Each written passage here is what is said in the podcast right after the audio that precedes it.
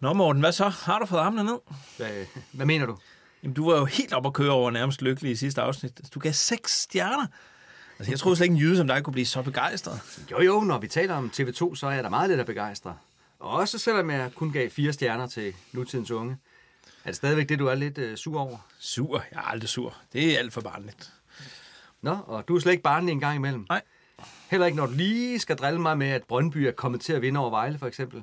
Ja, det kan jeg jo heldigvis gøre tit. Så. Nå, barnlig er barnlig. Jeg har bare lavet ikke kun nærmest lykkelig, men øh, nærmere verdens lykkeligste mand. Jamen, øh, godt så. Det er fint, du ikke er barnlig. Du er måske lige frem blevet voksen, så. Nej, voksen, det bliver jeg alligevel aldrig. Og det bliver TV2 måske heller aldrig.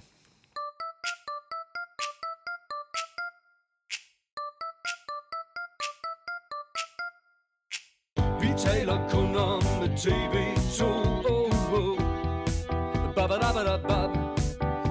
er gode Velkommen til dagens afsnit af Vi taler kun om TV2. I dag er vi nået til albummet Vi bliver alligevel aldrig voksne fra 1990.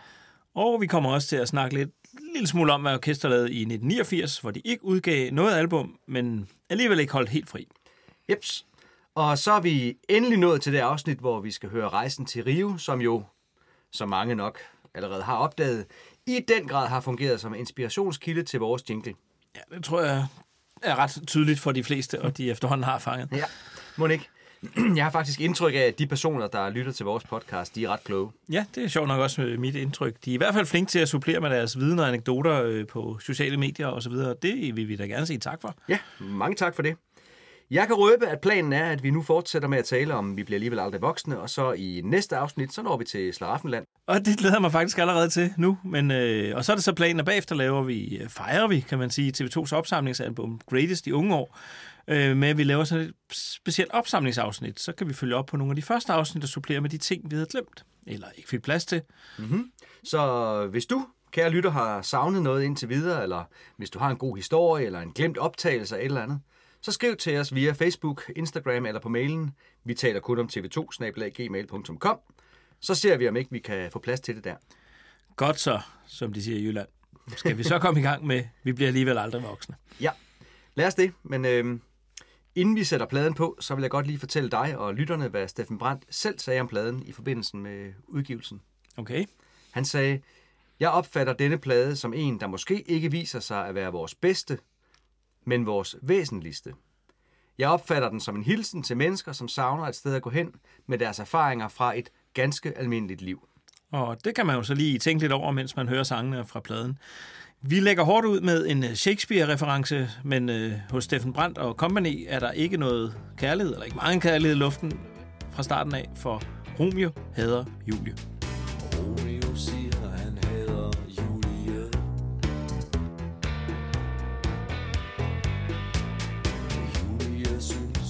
synes,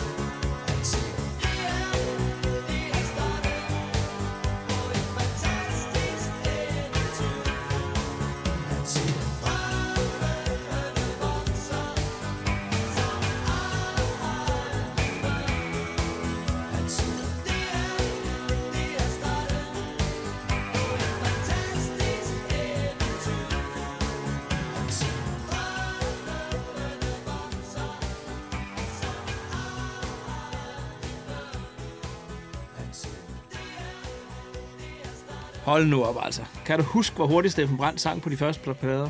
ja, det kan jeg sagtens. Det her det er jo lige omvendt. Her synger han helt vildt langsomt og dybt. Ja. øh, nu har vi ingen pladespiller med i studiet, men øh, jeg prøvede lige derhjemme at sætte øh, LP'en på, og så satte jeg den her ned på 45 omdrejninger i stedet for 33. Og det var lige før hans stemme bare lød helt normalt. Okay, så det blev ikke sådan en uh, musestemme, han fik ud af det? Nej, nej, slet ikke. Det var bare... Ja, men øh, jeg gætter på, at han gerne vil have os til virkelig at kunne høre teksten. Jamen, øh, den er da også god. Vi er i kendt Steffen Brandt-territorium her, nemlig dybt inde i parforholdet. Ja, nærmest ligesom på... Øh, nærmest lykkelig. Øh, ja, alle andre TV2-plader, så er det jo parforholdet. Og øh, ja, alle de udfordringer, det kan give, som er et stort tema på den her plade. Ja, og på den her plade er det så blevet sat ind i en ramme, hvor personerne hedder Romeo og Julie. Ja, de kunne så passende være i familie med blandt andet Jimmy, eller Jimmy og Janni, som vi kommer til at møde på Yndlingsbabe. Ja, de minder en helt del om hinanden, hvis du spørger mig. Det kunne være, at vi skulle lave sådan en øh, samtale en gang over, hvor mange parforholdssange TV2 egentlig har lavet. Mm, nej, det tænker jeg ikke, vi skal. Er det ikke næsten lettere at tælle, hvor mange der ikke handler om parforhold, tror du? Jo, det kan du ret i. Øh, ja. Nå, lad os holde alt det regneark ud af vores podcast, og så snakke om, øh, hvordan Romeo og Julie egentlig går og har det. Sangen hedder jo Romeo hader Julie. Altså, det er jo lidt af et statement. Det må du nok sige, og Julie synes, det er så yndigt at følge sig ad. Det er egentlig blæret nok, synes jeg, at man i de første to linjer på albumet får refereret Shakespeare og Grundtvig. Nå ja, det er så yndigt at følge ad. Det er jo en salme af Grundtvig. Øh, ja, den bliver benyttet til bryllupper, Mm-hmm. tror jeg. Det gør den, men øh, oprindeligt er den faktisk skrevet til et sølvbryllup. Og jeg tænker da egentlig også, at Romeo og Julie fra sangen her har været sammen i et stykke tid efterhånden. Ja, det tænker jeg også. Øh, og nu er det så gået op for dem, at de mangler noget. De er med andre ord allerhøjst nærmest lykkelige. Yes, som du sagde lige før, vi er på velkendt Steffen Brandt territorie her. Men øh, Romeo, han er jo klar til at gøre noget efterhånden. Han er villig til at satse. Ja, det bliver flettet meget fint ind i sangen, at Romeo ikke bare er her for at leve nu. Det er nu med store bogstaver og udråbstegn. Det kan man læse i teksthæftet, men man kan sørge også høre det i Steffen Brandts stemme. Og Romeo er faktisk en meget modig mand, tænker jeg. Altså, han siger, at nu er det nok, og hvorfor nøjes med lidt, når man kan miste alt? Ja, det er stærkt. Man tror, han vil synge, hvorfor nøjes med lidt, når man kan vinde alt. Men han synger simpelthen, miste alt. Ja, lige præcis. Det er det, jeg mener med, at han er en, en modig mand, ham Romeo. Øh, På sangen Tornby Hotel, som vi så kommer til, når vi når til på kanten af Småt Brandbarn, så synger han om, at man nogle gange er nødt til at satse for at vinde i spil. Ja, det er en fed linje. Den bruger jeg faktisk tit. Altså, det gælder om at turde tage nogle chancer, også selvom man risikerer at miste alt. Steffen Brandt sagde selv om sangen øh, og pladen, at han nu ikke længere ville være enten en hård mand eller en blød mand. Han ville vælge sit eget liv, uanset om det så betød et liv som ungkal eller som familiefar. Det blev faktisk en programerklæring for hele pladen. Hellere vælge det forkerte, end ikke at vælge. Og nu er vi nærmest indledt med sådan en lille tekstanalyse, mm-hmm. det er jo egentlig meget plads på den her plade, fordi der er virkelig meget tekst på... Øh, vi bliver alligevel aldrig voksne. Øhm, jamen, der er meget at dykke ned i. Mm-hmm. Altså, den her plade, den har jeg støvsuget mange gange med teksterne, når jeg har let efter idéer til mine øh, romaner. Ja, der er rigtig mange ord. Det har du fuldstændig ret i. Men øh, musikken er da også fed. Altså, Kastagnetterne er tilbage på den her sang, for eksempel. Ja, de får lige lov at spille ind igen. Det lagde jeg også mærke til. Øh, nummeret er produceret af Michael Brun, og øh, koret, det er Ivan Petersen og Anne Herdorf. Nå, altså Ja. Ivan Pedersen fra Laban. Ja. Og Anne Herdorf, hende der med en lille melodi fra Melodi Grand Prix. Ja, øh, det kan være, at jeg skulle benytte lejligheden til at sige undskyld til Ivan Petersen. På et tidspunkt øh, var vi til et... Øh, han sang kor, jeg tror det var i Moonjam, eller han var med i Moonjam på et tidspunkt. Så spillede de i Slagelse, og så var vi nogen fra ja, de gamle drenge, som tog ned til den her koncert med et stort banner, hvor der stod Laban på. og det så øh, et stykke tid efter medvirkede han et radioprogram, og så blev han spurgt om det. Han blev lidt træt af at blive mindet om Laban, og så sagde han ja. Han havde for nylig været til en koncert i Slagelse, hvor han var meget irriteret. Så Ej. undskyld, Ivan, og øh, du vinder lige lidt her for at være med på en TV2-plade. Ja, ja, Michael, man kan diskutere, hvem der var den største Laban her, om det var Ivan Petersen, eller om det var dig med det banner der. Lad os lade den ligge her. så i stedet for, så vil jeg snakke om, at jeg synes, det er lidt ironisk, at, øh, at det her, fordi at Steffen Brandt, han sagde på et tidspunkt i sin sangskrivning, at han skrev tekster, der handlede om andet end rabarber, rabarber, og hvor skal vi sove i nat.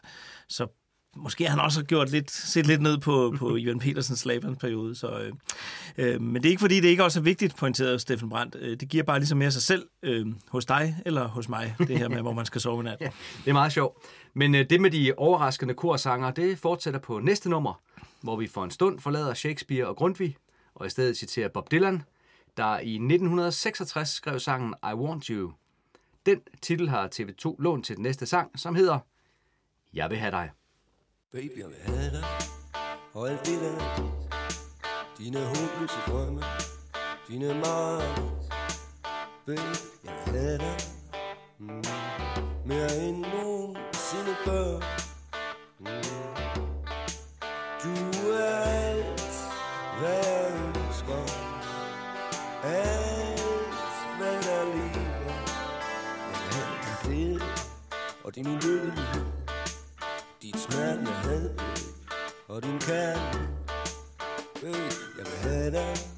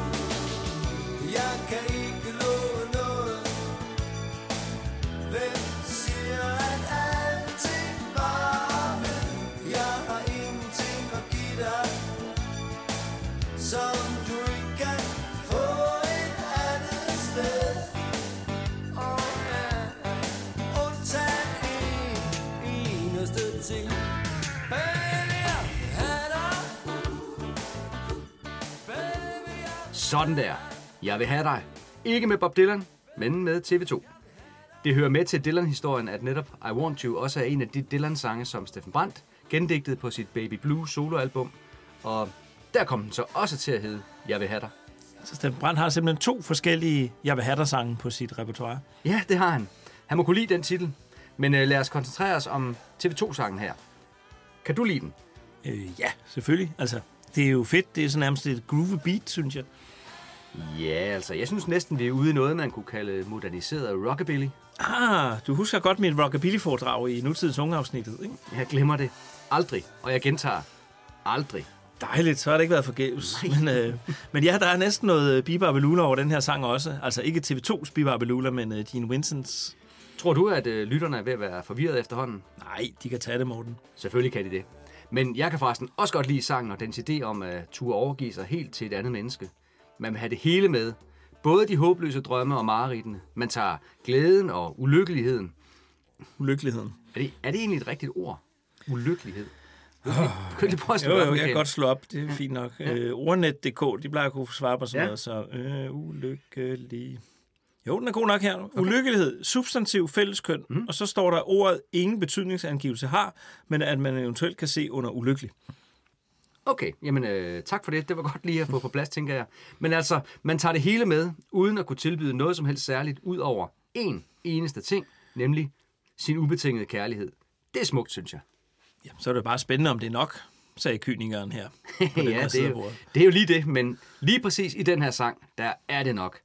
Og så er det ellers bare med at synge med, mens musikken spiller, og det gør vi så, når de spiller den live. Ja, det er noget af et koncerthøjdepunkt, den her med. Øh, ja, både fordi der altid bliver sunget godt og grundigt med fra publikum, men også fordi de Aarhus Havn, de, jamen, de får den til at gå over i Right Said Freds Deeply Dippy. Mm-hmm. Og øh, hvis man gerne vil høre det, så kan man høre begge dele på livealbummet Verdens Lykkeligste Band Live 99.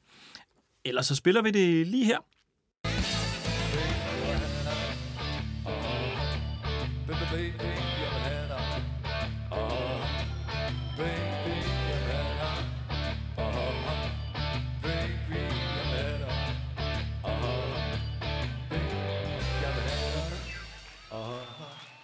Baby.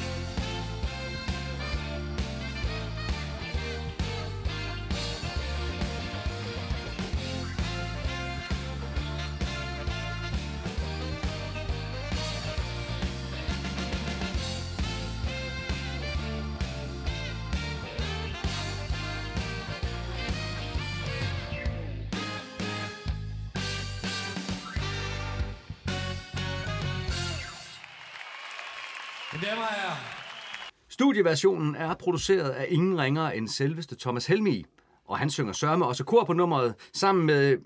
Ja, kan du egentlig høre, hvem det er? Ja, jeg synes, det lyder meget som Hanne Bol. Ja, det er fuldstændig rigtigt. Og derudover medvirker også noget så fornemt som et norsk gospelkor på indspillingen. Ja, det har vi så også dykket ned i. Det er nemlig Reflekskoret fra Oslo, og om den oplevelse så udtalte bandet senere. På nummeret Jeg vil have dig, skulle vi bruge noget kor, og det lykkedes os at lokke stort udlandsk og meget indre missions gospelkor til at kigge forbi studiet. For at vise vores gode vilje, så ryddede vi alt, hvad der kunne minde om rockmusikernes udskejelse af vejen. Efter et par timer med, timer med gode miner til slet spil, fulgte vi høfligt de unge mennesker til deres ventende bus. Bagagerummet blev åbnet, og ud væltede det med tomme ølflasker. Her lærte vi, hvad vi havde på fornemmelsen måtte være det 11. bud. Hvis man ved, hvad man gør, behøver man ikke retfærdiggøre sig. Det er en øh, ret sjov historie, den der. Kan jeg vide, om den egentlig er sand?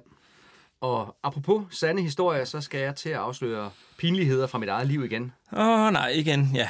Hvad nu, Morten? Skal vi høre om dengang, du købte en øh, Vejle Boldklub, tror jeg, hvor der stod Elkær på ryggen? Ah, Nej, det har jeg alligevel aldrig gjort, men, men det her det er faktisk værre. Okay, lad os bare høre det så. Okay så. I forbindelse med udgivelsen af Vi bliver alligevel aldrig voksne, blev den næste sang på albummet, altså Rejsen til Rio, jo spillet en hel del i radioen.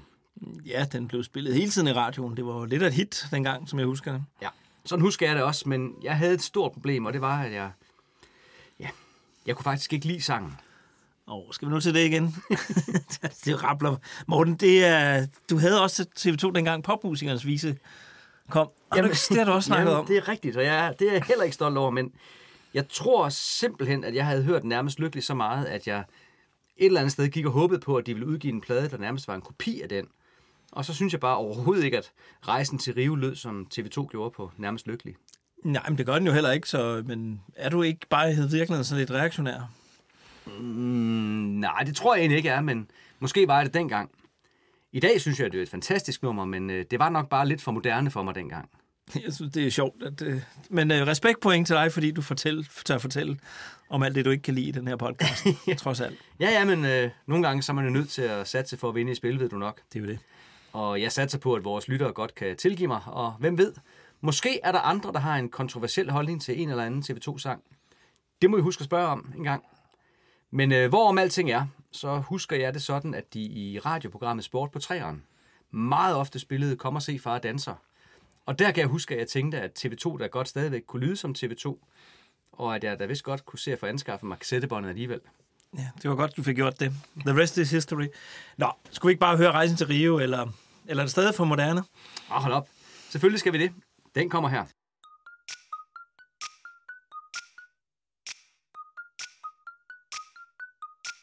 Her er historien om en helt almindelig pige, som lige så godt kunne være dig eller mig. Det vil sige mig, kunne hun selv sagt ikke være, selvom stillingen næsten er lige. Hun blev gift og fik børn og fik job og fik nok, men der var stadig noget, hun ikke kunne finde. Hendes frihed for eksempel, hvor var den blevet af? Hun var fanget og spærret inde. Og hun kan mærke livet sparke inden i Og giv mig fri Hendes fyr, der var en skvat, som mænd er fleste synes at var okay. De var jo næsten lige landet. Hun mente, at nu skulle det dreje sig om hende. Det havde aldrig nogensinde drejet sig om andet. Hun ville ud, hun ville væk, hun ville videre, og hun ville dø af tørst i Rios stinkende gader. Forsvinde i en lukkende sanseløs hus under truppe himlen skrigende bus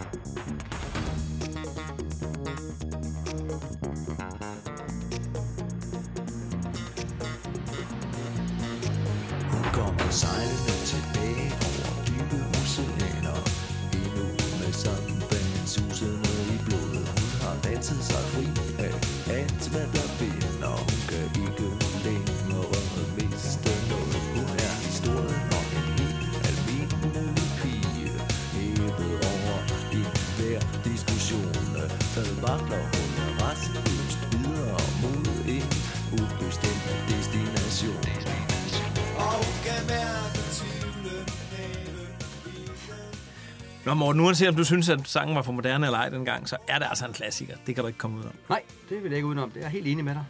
Øhm, og det er da heller ikke tilfældigt, at det lige præcis er den, der dannede grundlaget for vores jingle til podcasten. Jeg tror, at øh, rigtig mange danskere vil kunne øh, identificere den her sang som en TV2-sang, bare efter meget få toner af introen. Ja, altså det er jo det er også fordi, det er både et stærkt nummer og en stærk tekst. Altså det er bare en historie om en helt almindelig pige, som vil ud og væk og videre. Og så ender hun alligevel med at komme i tvivl om, at overhovedet kan klare al den der frihed. Ja, du skal passe på med, hvad du ønsker dig. Nogle gange så får du det. I øvrigt er det en fin øh, tekstmæssig opbygning, synes jeg. Altså først kan hun mærke livet sparke indeni, senere så brænder det, og til sidst så er det tvivlen, der knæver. Ja, altså den der udvikling i teksterne, det er jo, det er jo meget fedt, og det er bare... Ja, også med Steffen Brands dybe stemme i versene, og så de der høje toner, han når i omkvædet, så der, der sker meget i den sang. Det gør det. Altså, hvis man skal tale om en ikonisk TV2-sang, så kunne det her godt være den. Ja, altså både på grund af musikken og lyden, men også fordi teksten berører nogle af Steffen Brands oftest benyttede temaer. Længsel, frihed og kærlighed. Ja, og også kønsroller. Steffen Brandt synger endnu en gang om forholdet mellem kønnene. Denne gang konstaterer han, at stillingen næsten er lige. Det, ja, det er ret sjovt skrevet. Altså, og pigen kunne godt være Steffen Brandt selv, hvis ikke det var fordi, at stillingen kun næsten er lige. Altså, jeg tænker bare, i 1990, der kan man stadig ikke forestille sig, at en pige også kan være en mand. Nej, der er, der er sket noget siden da, kan vi vist godt uh, konstatere, uden i øvrigt at gå ind i den snak. Steffen Brandt, han sagde selv om sangen, at den var et forsøg på at samle op, øh, hvad vi egentlig var nået frem til efter så mange år snak om ligestilling. Han sagde sådan her.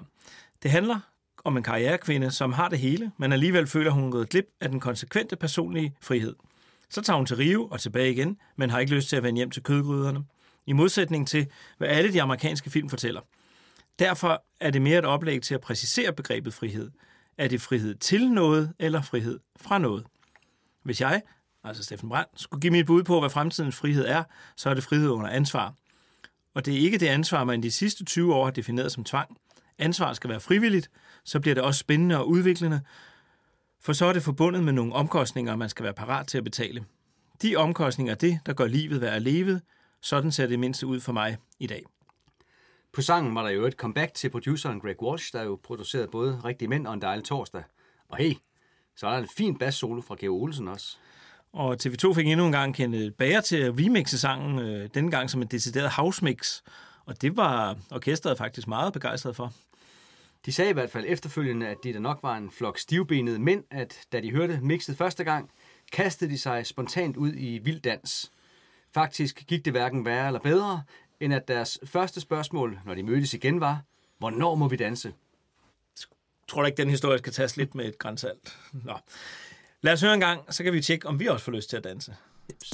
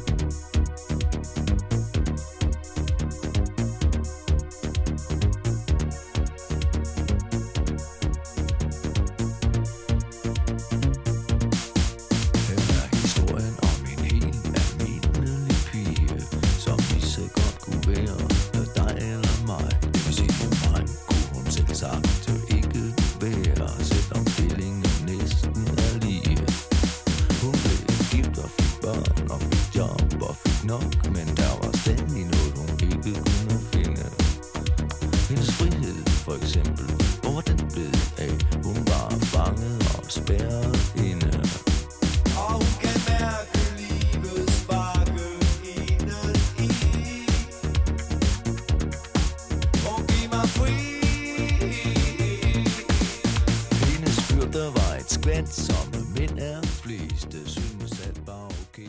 De var jo Ja, men temaet i sangen har vi som sagt mødt mange gange tidligere hos TV2. Øhm, ja, og vi kommer til at møde det masser af gange igen på de næste albums. Øhm, men der er også andre kunder, kunstnere, der har brugt det her med frihed i forskellige sammenhænge. Øhm, jeg kan for eksempel genkende historien om rejsen til Rio i Olsens band, den sidste bedrifter. Okay. Øh, Olsenbandens sidste bedrifter. Ja. Øh, okay, det skal jeg tænke mig om. Det er den, øh, jo, det er den, der slutter med, at de rent faktisk kommer afsted til Mallorca til sidst, er det ikke? Så i stedet for rejsen til Rio, så er det rejsen til Mallorca. Er det det, du mener? Ja, det er ikke filmene, Morten. Det er en sang, øh, der hedder Olsenbandens sidste bedrifter. Den er også ret ny. Ja, okay. Øh, det er et band, der hedder Maja de Sarte Sjæle, som udgav det i 2021. Ja. Og øh, pigen i deres sang, hun arbejder i Superbrusen, men hun drømmer om at stikke af til Mallorca. Ligesom Olsenbanden. Okay. Kommer hun afsted så? Altså, svaret blæser lidt, lidt i vinden, ikke? Men jeg vil påstå, at øh, den, der har skrevet de linjer af den her sang, også har hørt Rejsen til Rio. Jeg citerer lige fra, Ja. fra øh, Maja de Sarte Sjæle. Sidder man med en tom følelse indeni, en følelse af at være tilskuer i mit eget liv, der bare udspiller sig 100% som forventet. Jeg er træt af at stå op hver morgen og vide, at dagene ligner hinanden. Jeg har lyst til at pakke en kuffert og flyve om på den anden side af jorden.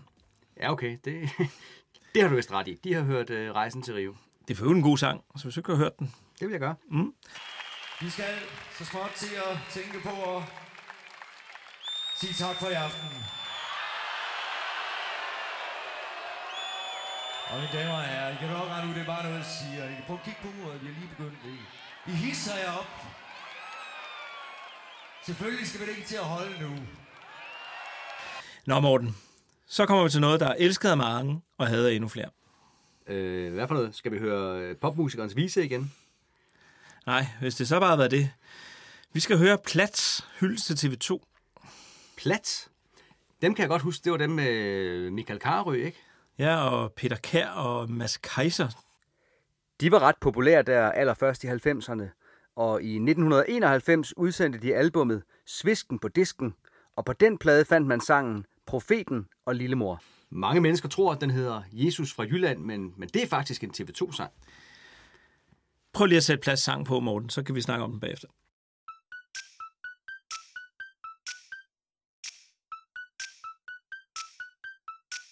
Her er historien om en helt almindelig mand, der pludselig gik hen og blev rigtig. Han vidste alt om dig og mig, og hvad ved du her? Ja, der var ikke det, han ikke havde indsigt i. Her og fru Danmark, de fik sig en sang af profeten fra det mørkeste Jylland. Og han blev bleg, og hun blev nærmest lykkelig for denne krydsning mellem Darwin og Dylan. Jesus fra Jylland, vil du vise vej, hvor alle piger siger, vi skal være ligesom dig. dig. Først var du en rigtig mand i læder og sort. Så lykkelig med lillemor og film i movieboksen. Et borgerdyr med barnevogn i læder og sort. Og nu hvor du har lært det, må du ikke blive voksen. Jesus fra Jylland, giv os et råd, for der er stadig noget, som vi ikke har forstået. forstået. Hvorfor er vi,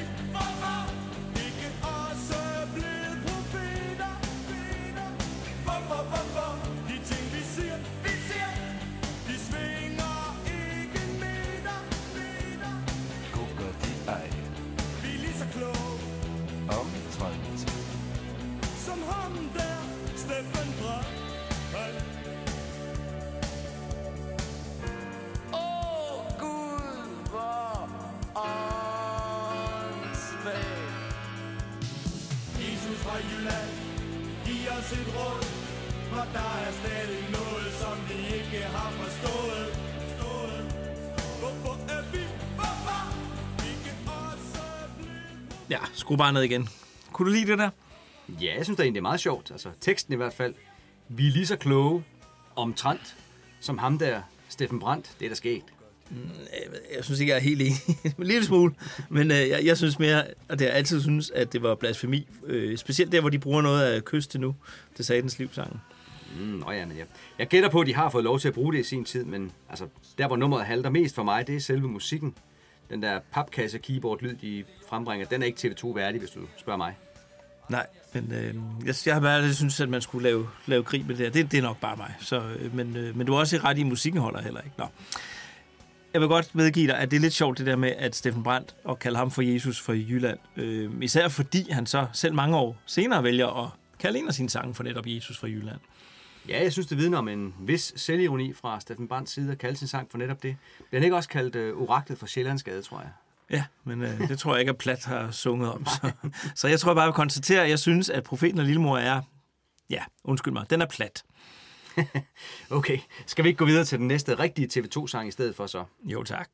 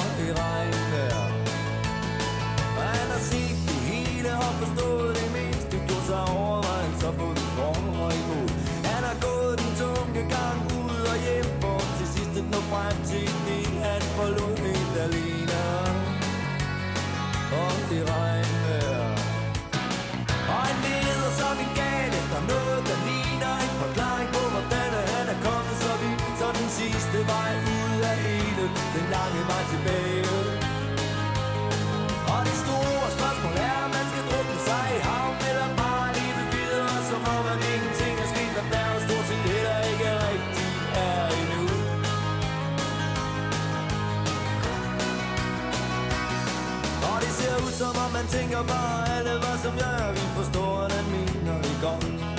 Men i en verden som til tider er hyldende mor Som bliver han op og får sit eget selvretfærdige Og komplot helt alene og i regnvejr Har de for længst for sent at tage konsekvensen. Den har andre taget, mens han kører det rundt i ring. Så hælder og bærer skylden på spinkle skuldre Og sejne under vægten af alt og ingenting helt alene og i regnvejr Han leder som en gal efter noget, der ligner En forklaring på, hvordan han er kommet så vidt Så den sidste vej ud af elen, den lange vej tilbage. Og det store spørgsmål er, om man skal drukne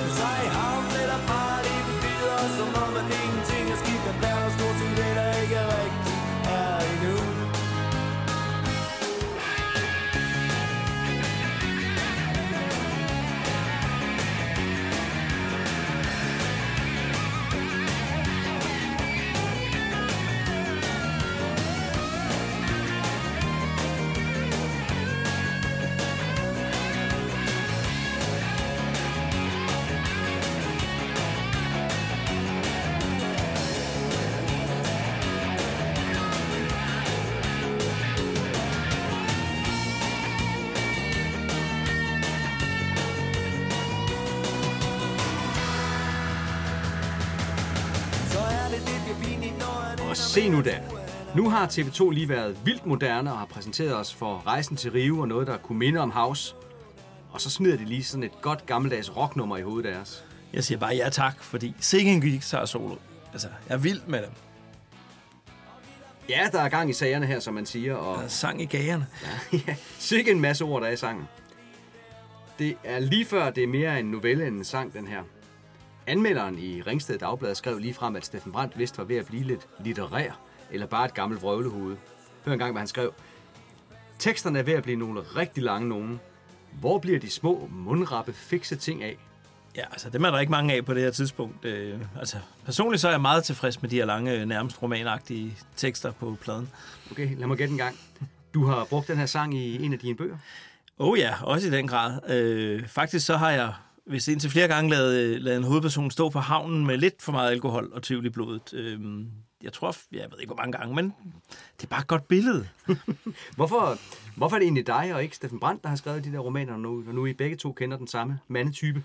Det er jo et utroligt godt spørgsmål. Øhm, det er faktisk så godt, at jeg har, jeg har spurgt Steffen Brandt om det en gang til et foredrag. Okay, hvad, hvad svarede han så?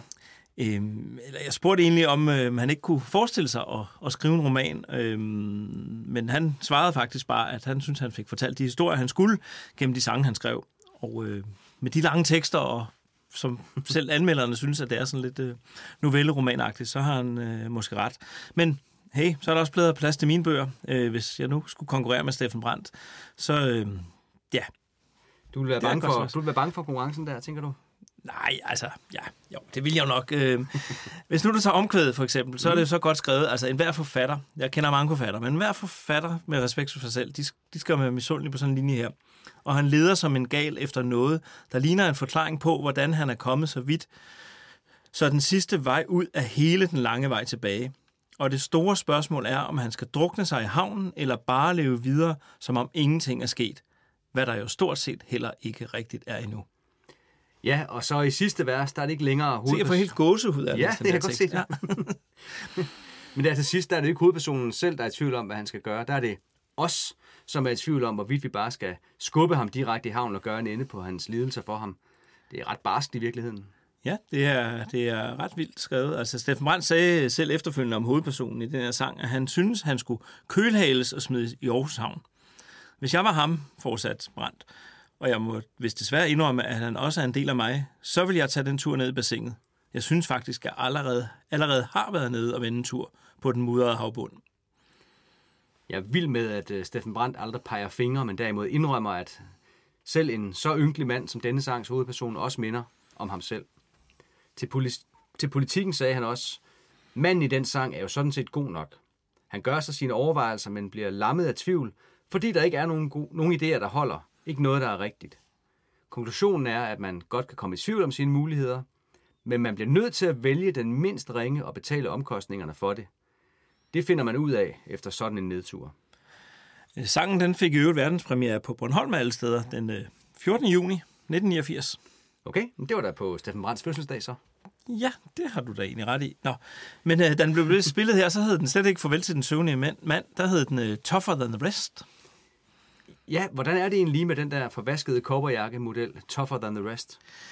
Jamen, det er jo sådan set bare en øh, kopperjakke med en hyldest til Bruce Springsteen-sangen af samme navn fra 1987. Øh, ja, som man godt kunne lide at gå rundt med, hvis man følte sig lidt sejere end de andre.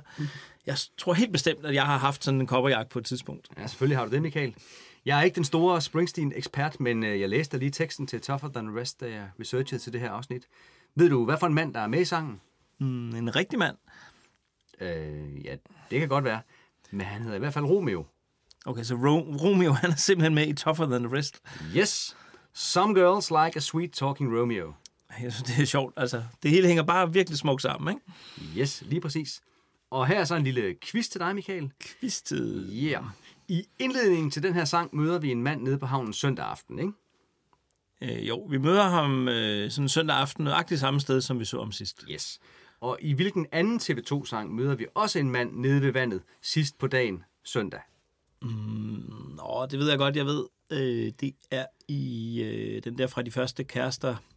Øh, den med hunden. En mand og hans hund.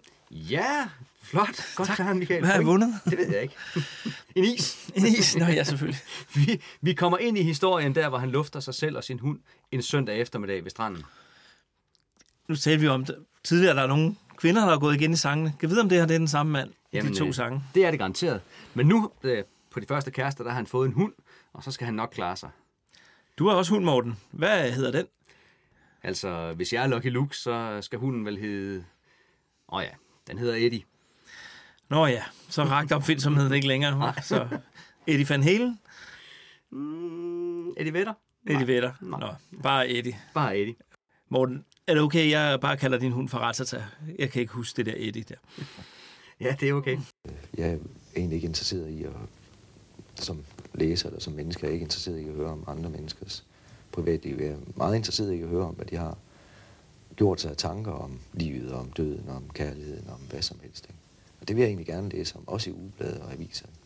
Men hvordan de selv bor øh, øh, deres skilsmisser, det, det kan jeg ikke se. Det interesserer mig. Og lidt Men øh, nu hvor vi så har sagt farvel til den søvnige mand, så skal vi måske lige sige goddag til den friske mand. Du tænker Svend Gavl? Ja, det gør jeg faktisk. Det var da utrolig godt gættet, Michael. Har jeg stadig ikke vundet noget? en is mere. Værsgo. To kugler. Men øh, Svend udtalte allerede i 89, at han altid havde interesseret sig for musikkens vilkår, og at han længe havde efterlyst programmer i fjernsynet, som satte rocken ind i de rette perspektiver. Kulturpolitisk, fagforeningspolitisk osv. Og hvad gør man så, når man er trommeslager i Danmarks allerbedste orkester? Jamen, øh, man sørger der for at blive vært på et program, der netop beskæftiger sig med de emner. Det er det, præcis det, man gør. I foråret 1989, så toner vores allesammens yndlingstrommeslager frem som en slags studievært i et musikprogram, der hedder Lulul Rockengård. Og hvilken kanal blev programmet sendt på? Du kan gætte en gang. Det var på TV2. Ved du egentlig, hvilken ugedag programmet blev sendt på? Ah, nu vinder jeg ikke flere is. Det kan jeg nemlig ikke huske. Kan du godt det? Nej, det kan jeg ikke. Nå. Men hvis nu det havde været søndag aften, så havde vi haft en perfekte segue til næste sang, der starter sådan her. Søndag aften Og klokken den har lagt sig lidt Tiden går alligevel Jeg mærker hvert sekund som prikken under huden Hul i maven Slag i ansigtet Som stemmer i det fjerne Der måske og måske ikke Vil mig nu Alt står stille og ingenting bevæger mig. Dørene går op og i, og ingen træder ind. Jeg troede, vi skulle brænde mur, splinter glas og slå os fri. Af al forsigtighed, siger jeg, og åbner vinduet lidt på glim. Kom og dans, en sidste dans,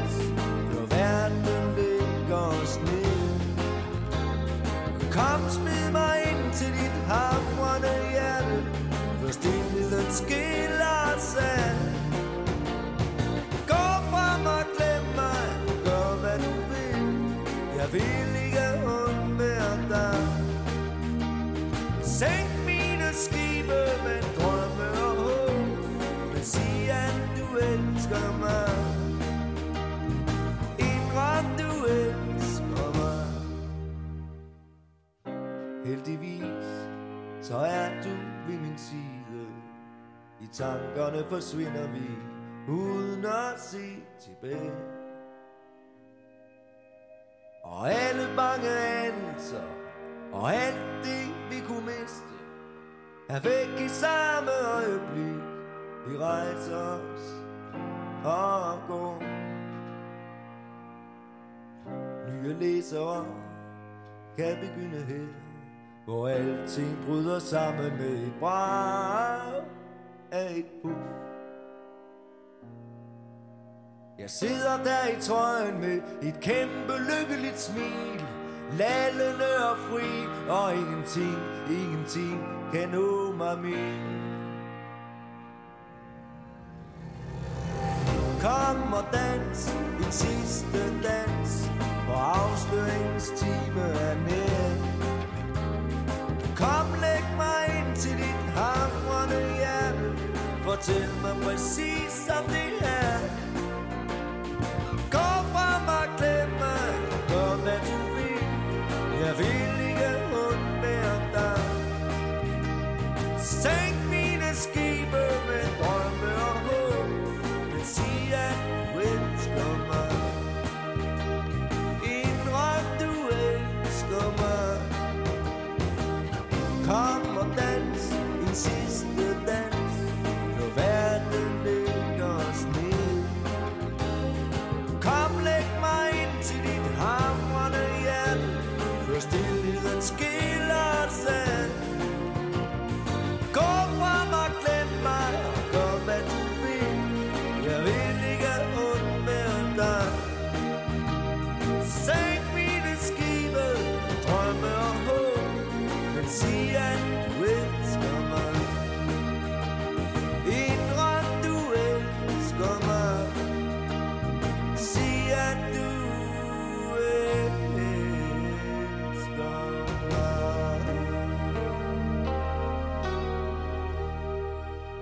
Og så fik vi lige den anden søndag aftensang i træk. Ja, det er egentlig meget sjovt, øh, og det er en smuk sang, hvis du spørger mig. Ja, det, det virker som om den nærmest er indspillet live i studiet. Hvis du lytter godt efter, så kan du høre knirkelyd i baggrunden. Ja, giv videre, om det er en stol, eller det bare er Steffens læderjak. Ja, det er et godt spørgsmål. Den der læderjagt, den havde han godt nok bare på hele tiden i de her år. Ja, altså dengang var den jo lige så fast bestanddel af hans garderobe, som det sorte jakkesæt og den hvide skjorte er i dag. Helt sikkert. Øh, jeg fortalte jo før, at jeg gik og håbede på, at den her plade ville være en slags kopi af Nærmest Lykkelig. Så derfor så var den her sang, den her plades bud på Kyst nu, det er satans liv i, i min optik. Mm, okay, det er en klaverballade, så langt vil jeg være med. Øh, men ellers så, øh, så synes jeg bare, det er en mastodont af en kærlighedserklæring. Kom, læg dig ind til mit hamrende hjerte. Fortæl mig præcis, som det er. Gå fra mig, glem mig, gør hvad du vil. Jeg vil ikke undvære dig. Sænk mine skibe med drømme og håb, men sig, at du elsker mig. Indrøm, du elsker mig. Altså, gåsehud igen, det er bare godt skrevet, Morten. Det er vildt godt skrevet, og det lyder også godt. Og så er det jo lidt en øh, TV2-sjældenhed, at omkvædet det er en swing, du ved, sådan på tirsdag, på tirsdag. Men øh, som produceren Søren Wolf sagde under indspillingerne, ligegyldigt hvad I laver, så vil det lyde som TV2. Og det valgte orkestret så at tage som kompliment. Og det er også værd at bemærke nu, at det er Henrik Nielsen, der spiller Aarhus. Altså, den der Henrik Nielsen, som vi lærer at kende som unge Nielsen, Ja, lige præcis ham. Og ham vender vi meget mere tilbage til i de kommende afsnit. Øhm, Jeg er ved at skrive en bog om en øh, dansk kvinde, som øh, sammen med sin mand, øh, han hedder Rico Barry, han er jo ret verdensberømt, fordi han trænede flipperdelfinerne i de der film i gamle dage. Ja. Og senere så fandt han ud af, at det var virkelig meget synd for de her delfiner, og har han så videt sit liv til at redde delfiner, og det mm. gør han så sammen med en dansk kvinde, som er hans kone. Mm. Og øh, hun sendte mig en mail i, øh, på et tidspunkt, som jeg synes, vi lige skal høre, fordi hun øh, fortalte, at øh, på et tidspunkt, så var de ude på en lille ø, de boede seks måneder i Colombia, fordi de var ved at befri en delfin, som hed Stefania. Mm.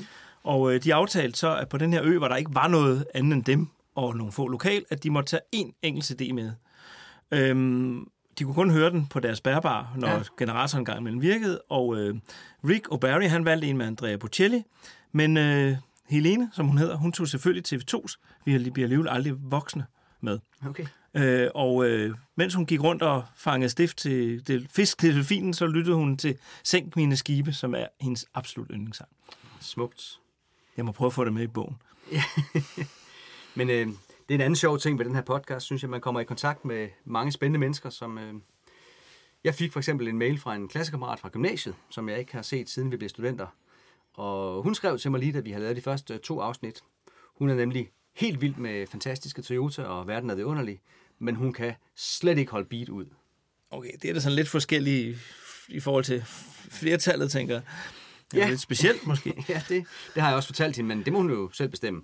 Øhm, jeg kan også godt lide de første to plader, og, ja, og resten. Men Marie, som hun hedder, hun skrev så, at øh, bortset fra de første to plader, som så var hendes all-time favorite med TV2, altså Vi bliver alligevel aldrig voksne. Hun synes, at pladen indeholder usandsynlig mange bangers, og at den, når man hører den i dag, helt perfekt indfanger stemningen fra dengang, hvor muren lige var faldet, og 90'erne lå og ventede. Hun fik pladen i konfirmationsgave, og fortalte meget fint, hvordan pladen på en måde nærmest fortæller vores generations historie, og vores mener de af os, der er født sådan cirka midt i 70'erne.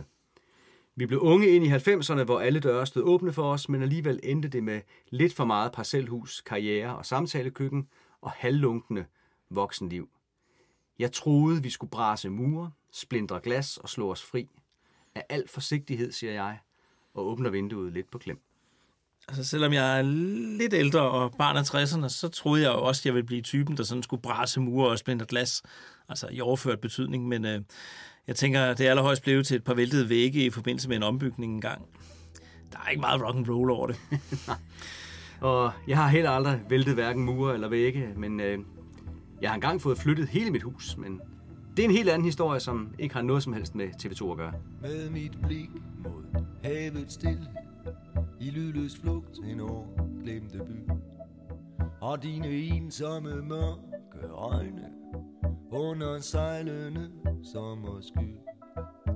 Har jeg måske set noget, der var smukkere før? Eller hvad var det, jeg ville sige?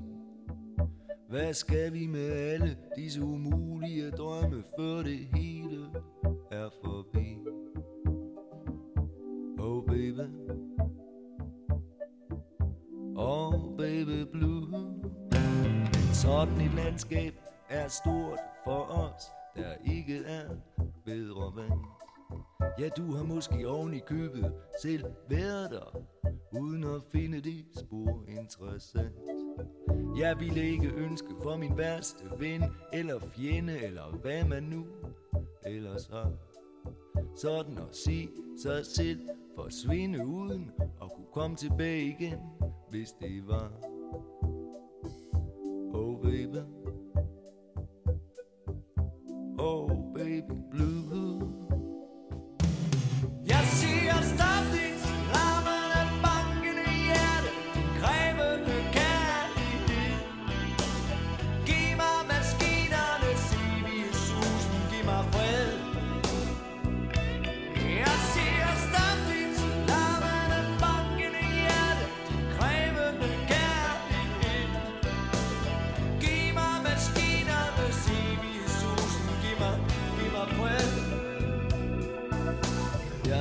tage fejl, og hvem vi ikke gerne give mig ret deri. Måske var det bare noget, jeg havde drømt, eller det rene hysteri. Men alle de stemmer ind i mit hoved, som en dag vil gøre mig skød Fortalte alt det, jeg vidste, men aldrig har troet på før. Oh baby Oh baby blue. Jeg ville ønske det her var Amerika Eller endnu længere væk. Et sted der var fjernt nok til ikke at fortryde I aller sidste øjeblik.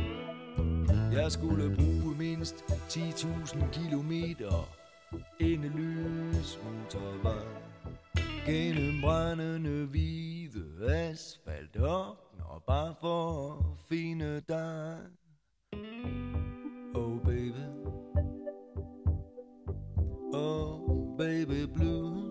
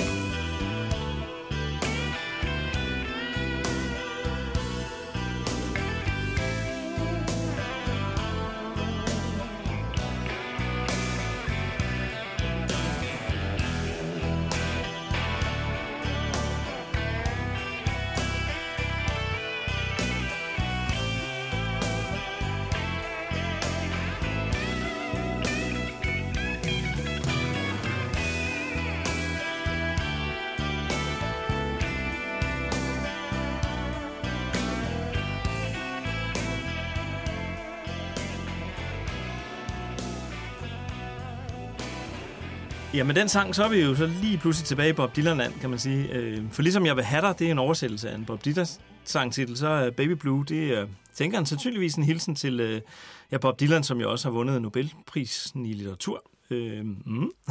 og han har skrevet en sang, der hedder It's All Over Now, Baby Blue. Yes. Og Baby Blue blev så også mange år senere titlen på Steffen Brands soloalbum med Bob Dylan gendækninger. Og selve sangen It's All Over Now Baby Blue hedder i Steffen Brandts version simpelthen også bare Baby Blue. Så det er endnu en gang en sang, hvor der findes to med samme titel. Altså, der er to gange Jeg vil have dig, og to gange Baby Blue. Det gælder om at holde tungen lige i munden her, tænker jeg. Men øh, altså det her podcast-afsnit, så taler vi kun om TV2-sangen, Baby Blue. Er vi enige om det? Det er vi enige om. Og øh, det er en blues-sang, og endnu en gang en TV2-sang, hvor versene er meget stille, men hvor sangen så eksploderer i omkvædene. Ja, det, ja det, det er de jo gode til, det der. Det er helt suverænt. Øhm, sangen er produceret af Anders Glenmark. Øhm, nogen, nogen kender ham måske bedre som en tredjedel af GES, øh, eller GES, jeg faktisk hvad fanden de hedder, men Glenmark, Eriksson og Strømstedt, øh, mm. som var meget populær i, i 90'erne. Øh, og det er faktisk også Anders Glenmark, som synger omkvædet i One Night in Bangkok fra musicalen Jazz. Mm-hmm. Øhm, og lige her i omkring det, da TV2-pladen kom, så havde han også et stort hit med en sang om hende pigen, der havde blommer i sit hår. Altså blomster på svensk. Yes.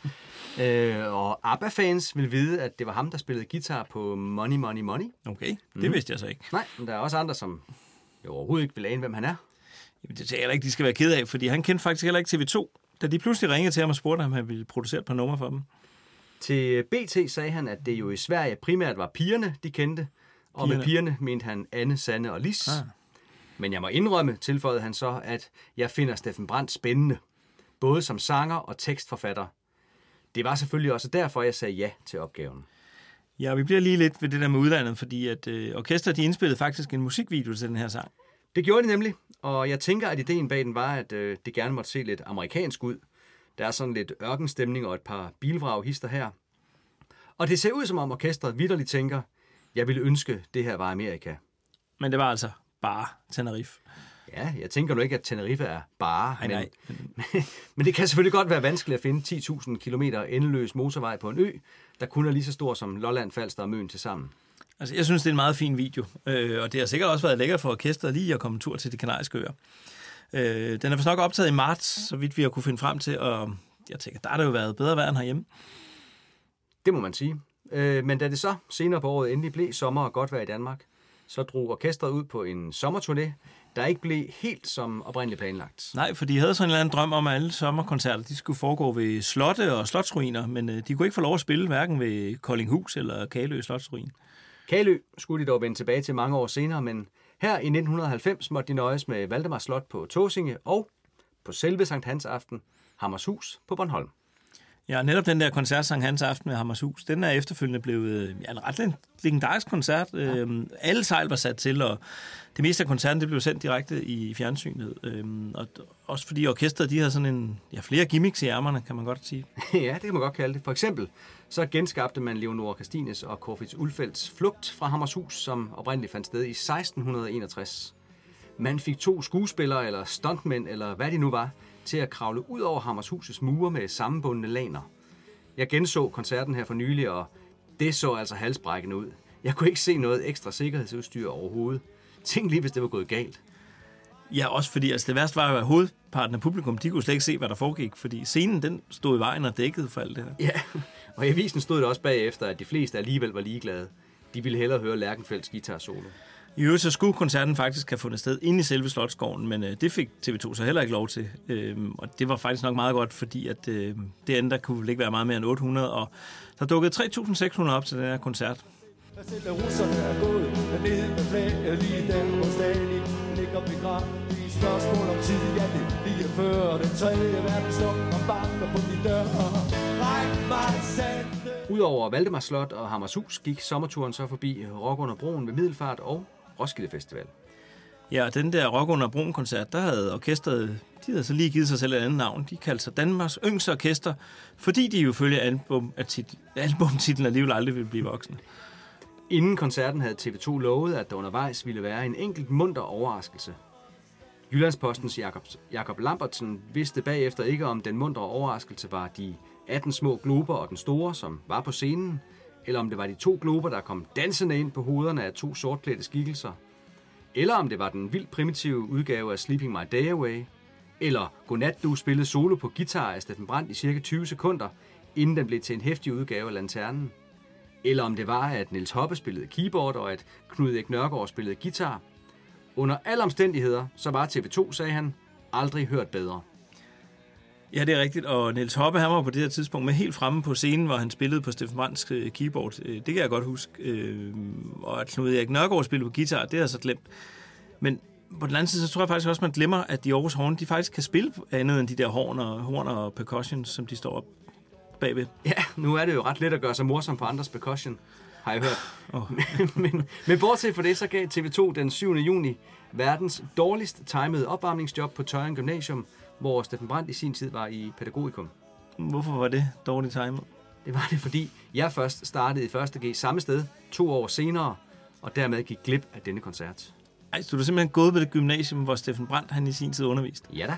Du er født for sent. Valgte du gymnasiet på grund af det? Ah, det skulle man tro, men, men det var nu ikke derfor. Men Jeg tænker, tænker TV2 må have spillet til alle gymnasiefester, mens du gik der. Nej, de spillede ikke til en eneste. Hmm. Det var en stor skuffelse for mig, men da skolen nogle år senere fejrede 25 års fødselsdag, så kom de, og så fik jeg indhentet noget af det øh, forsømte. Så håbede jeg så siden på, at det måske blev taget til Garner, og den vej kunne lære. Men det blev jeg så heller ikke. Så faktisk trak jeg frinummer med øh, besked på, at hvis der blev krig, skulle jeg møde med min øh, knallert op ved brusen i Holmen. så øh, Øhm, der er faktisk noget sjovt, jeg har lagt mærke til, når jeg har læst øh, de her gamle anmeldelser af den her plade igennem. Jeg ved ikke, om du har lagt mærke til det, men lige pludselig så skriver de konsekvent, at TV2 har lavet en ny CD. Altså tidligere, så var det jo album eller LP, eller... Ja, det har jeg faktisk også godt tænkt over. Men øh, personligt havde jeg ikke fået CD-afspiller nu på det her tidspunkt, så min første udgave af albumet, det var et kassettebånd. Ja, som du vel havde fået overspillet, som du plejede. nej, nej, nej. Det her havde jeg købt eller fået i gave.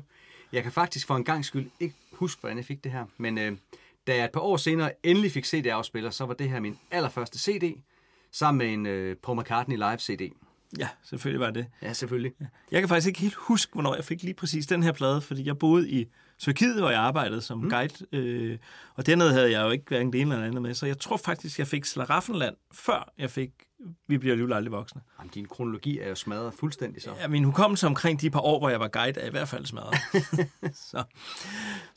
Skal vi lige nappe et par kolde facts, om vi bliver alligevel aldrig voksne, inden vi vender vinylen og kassettebåndet? Der skal mere end kolde facts til, og stensil som mig. Vi bliver alligevel aldrig voksne udkom den 9. april 1990 og er udgivet på pladekompaniet. Altså med andre ord det første TV2-album, der ikke udgives af CBS. Orkestret har endnu en gang indspillet sangene i henholdsvis Werners og i Feedback-studiet, og har igen benyttet forskellige producere. Den her gang så drejer det sig om Anders Glenmark, Michael Brun, Søren Wolf, Thomas Helmi, Lars Overgaard, Bo Holten og så TV2 selv. Og så er der comeback til selveste Greg Walsh. Ja da. Pladen er solgt i 128.000 eksemplarer, hvilket er cirka 50.000 færre end nærmest lykkelig gjorde. Ja, og da man så spurgte Steffen Brandt, bliver salgsal ikke var skuffende, så sagde han, at øh, hvis ikke man var tilfreds med det, så skulle man være et forkælet skarn. Vores plader sælger altid langsomt. Det skulle så sidenhen vise sig, at næstplade den solgte endnu mindre, men det kommer vi jo tilbage til. Ja, det tager vi en anden god gang. Øh, endnu en gang har Per Let Nissen taget sig af præproduktionen, mens Jodam Kærgaard selvfølgelig har designet coveret. Ja, og så er der, det- der er lidt med det der cover, fordi inde i, så er der et billede, eller flere, som vi godt kan kalde, hvad- hvad skal vi kalde dem, semi-erotiske. ja, det kan vi vel godt kalde det. Der bliver i hvert fald ikke skjult noget som helst, om man så må sige. Det minder om de der græske vaser, man skulle analysere i old. Ja, lidt. Og, og det her billede bliver så bragt sådan i småbidder undervejs. Nå ja, det er et billede, der er... Ja, lige præcis. Inden det så bliver afsløret i sin helhed til sidst. Hvis nu jeg nændet at klip i mit pladecover, der mm. står her, så kunne jeg jo så lave sådan en lille puslespil af de her små billeder. Det kunne du sikkert godt, men det er der ikke nogen, der nænder. Nej, jeg gør i hvert fald ikke. Så øh, fotoet på coveret, det er taget af Jan Jul. Og øh, det er øvrigt et af mine personlige favorit TV2-covers, det her. Jeg synes, det er øh, så flot med den her blå baggrund og den kæmpemæssige jordklode badebold. Der er vist et orkester, der har set Charlie Chaplins Diktatoren en gang, hvor han også leger med en stor jordklode. Ja, lige præcis sådan en stor jordklode øh, med luft i, den kan godt være svær at kontrollere. Øh, og det ved jeg jo faktisk, at Henrik Hambro, han fortalte en ret sjov historie om, da, da du var sammen med ham i, i Aarhus tidligere. Ja, det øh, må du nok sige. Nu skal du høre en vaskeægte røverhistorie fra landevejen. Jeg spurgte Hambro, hvad det var for en kæmpe gimmick, de havde med på landevejen der i sommeren 1990. Der havde vi den der luftballon med, eller jordkloden med, Ja. som var sådan en heliumballon. Og ja, og det var jo fordi, den var på ikke? Og så skulle vi jo have sådan en med, og den var, den var så stor, at vi... Øh, og det var fuld af helium, og det kostede alligevel nogle penge at fylde den op, ikke? Men den var, kom i en stor... Vi havde, eller, vi havde i hvert fald en kæmpe stor papkasse, den kunne være i, og så passede den med, den kunne lige være inde i bagerst i sådan en sættevogn, den er 2,5 meter bred, ikke? så kunne den lige være derinde. Så vi lukkede lige lidt helium ud hver dag, så kunne vi stoppe den der ind i bilen, og så var den der, og så tog vi så hele papkassen ud hver morgen, eller hvad det nu var, og så fyldte vi noget mere helium i, så den blev pæn og rund, og så kunne svæve ordentligt op ja. i luften. Ikke? Og det var meget sjovt, og så skulle vi så på et tidspunkt spille en, en, en koncert dernede på Valdemar Slot, og så var vi kommet der om natten eller et eller andet, og havde fået den der ud, og havde, jeg havde bundet den til en, øh, hvad hedder det, sådan en, en container, der stod et eller andet sted ved det slot der. Og så havde jeg gået over i hængekøjen og havde lagt mig til at sove, og så blev jeg vækket på et tidspunkt, hvor en der kom hen til mig og siger, hvad, var der ikke noget med, at I havde sådan en, øh, sådan en ballon med jordklode ting eller et eller andet? Jo, jo, sagde jeg så. Jamen, prøv at se, den er deroppe, sagde han så, og så var den bare rigtig, rigtig, rigtig langt væk. Så var der nogle børn, der havde, som jeg fik det fortalt, havde ja. bundet snoren op, og så var den der ballon bare fløjet væk, ikke? Ah, for pokker, mand. Og det var da alligevel ærgerligt, ikke? Så ringede jeg til Kastrup Lufthavn og sagde, prøv at høre, I skal bare vide, at der er altså en ballon, der flyver rundt her. Der, der, der, og cirka så højt op. Nå, men det var fint, sagde jeg. Og så har jeg hørt rygter om, at den faldt ned, eller blev fundet ved, i, på Fyn ved et eller andet, øh, nogle drivhus, et eller andet gardneri, eller et eller andet. På et tidspunkt hørte jeg også rygter om, at jeg havde fået flyvevåben til at skyde den ned. Det passer altså ikke. Men jeg synes, det, jeg synes, men, det, men lad os bare sige, at jeg gjorde det. Ja, men øh, det var sådan lidt, øh, det var lidt ærgerligt. Det kostede nogle penge, ikke? Ja, det er en fed historie, og den ville faktisk have været endnu federe, hvis de vidderligt havde været flyvevåbne, flyvevåbne som havde skudt ballonen ned. Oh ja, yeah. men øh, jeg går nu og leger lidt med tanken om, at ballonen stadig flyver rundt derude et sted, og at den på magisk vis lander et sted en dag. Måske blandt publikum til en TV2-koncert. Ja, det kunne se godt ud, sådan ned over... Ja. Ja. ja. Nå, det ville være sejt. Nu er det blevet tid til at høre om Hallo Hallo. Nej, Jo. nej, nej, altså Hallo Hallo, den er først fra Amerika. Nå, nej, nej, det er heller ikke sangen Hallo Hallo, vi skal høre om. Det er et tv-program, der hedder Hallo Hallo, eller hed Hallo Hallo. Nå ja, huske det? Nå jo, det kan jeg godt huske. Det var med Jesper Kisum og Lotte Larsen. Larsen med sæt. Ja, det var meget smart, det der Ja, det sæt det. der. Altså, øh, og det var TV2, altså tv-kanalens bud på et musikprogram i 1990. Det blev sendt første gang den 2. januar det år, og den største historie i programmet var et rejsebrev, som TV2, altså vores TV2-bandet, havde lavet øh, året før, da de var i Grønland. Rejsebrevet er en slags dokumentarfilm, der hed De kom lige forbi. Og i den kunne man se forskellige historier fra et land, som orkestret tydeligvis havde forelsket sig i. Ja, for eksempel så var der et længere interview med en dansk øh, taxichauffør, der boede i Nuuk, og der var også et langt indslag med tre piger, der fortalte om kønsroller og familierelationer og ja, forskel på Grønland og Danmark. Man hører også en uh, improviseret blues med Niels Hoppes saxofon i forgrunden. Nummeret er optaget i Eliaskirken i Manitok, og det er faktisk et nummer, der hedder Takus, som senere blev udsendt på kassettebånd i Grønland. Ja, var det ikke det der nummer, du spillede i baggrunden i, i den nærmest lykkelige afsnittet, hvor jeg skulle læse op om den her kultur, kulturkanon? Jo, det var det faktisk, og øh, vi skal nok vende tilbage til Takus lidt senere, hvor du får lov til at høre den elektriske udgave af sangen.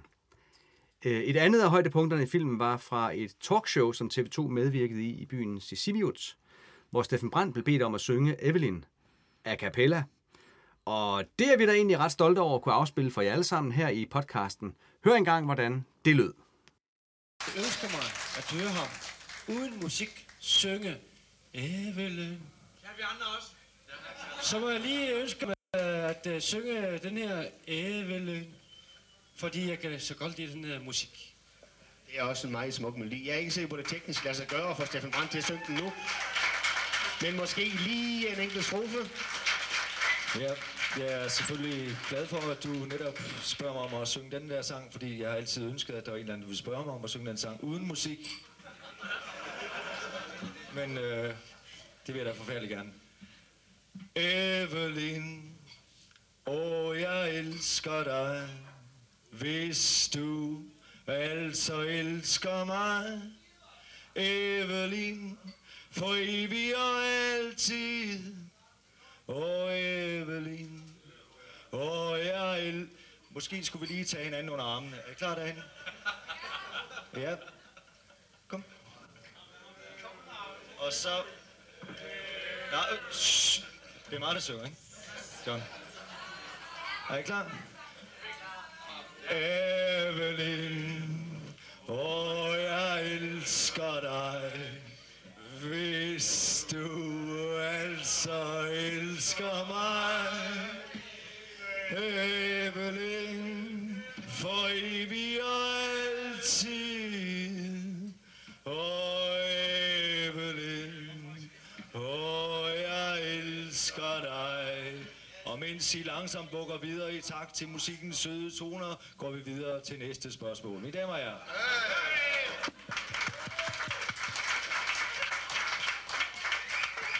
Spændende. Når man ser filmen, så kan man se, hvordan det rent faktisk lykkes for ham at få folk til at sidde i armkrog med hinanden og gynge med.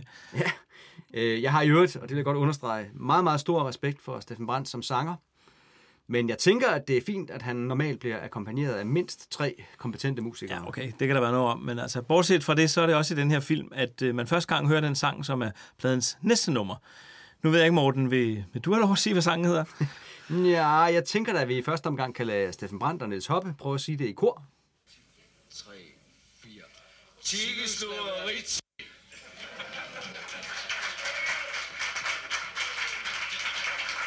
Okay, så tør jeg også prøve. Tiki Luarizzi.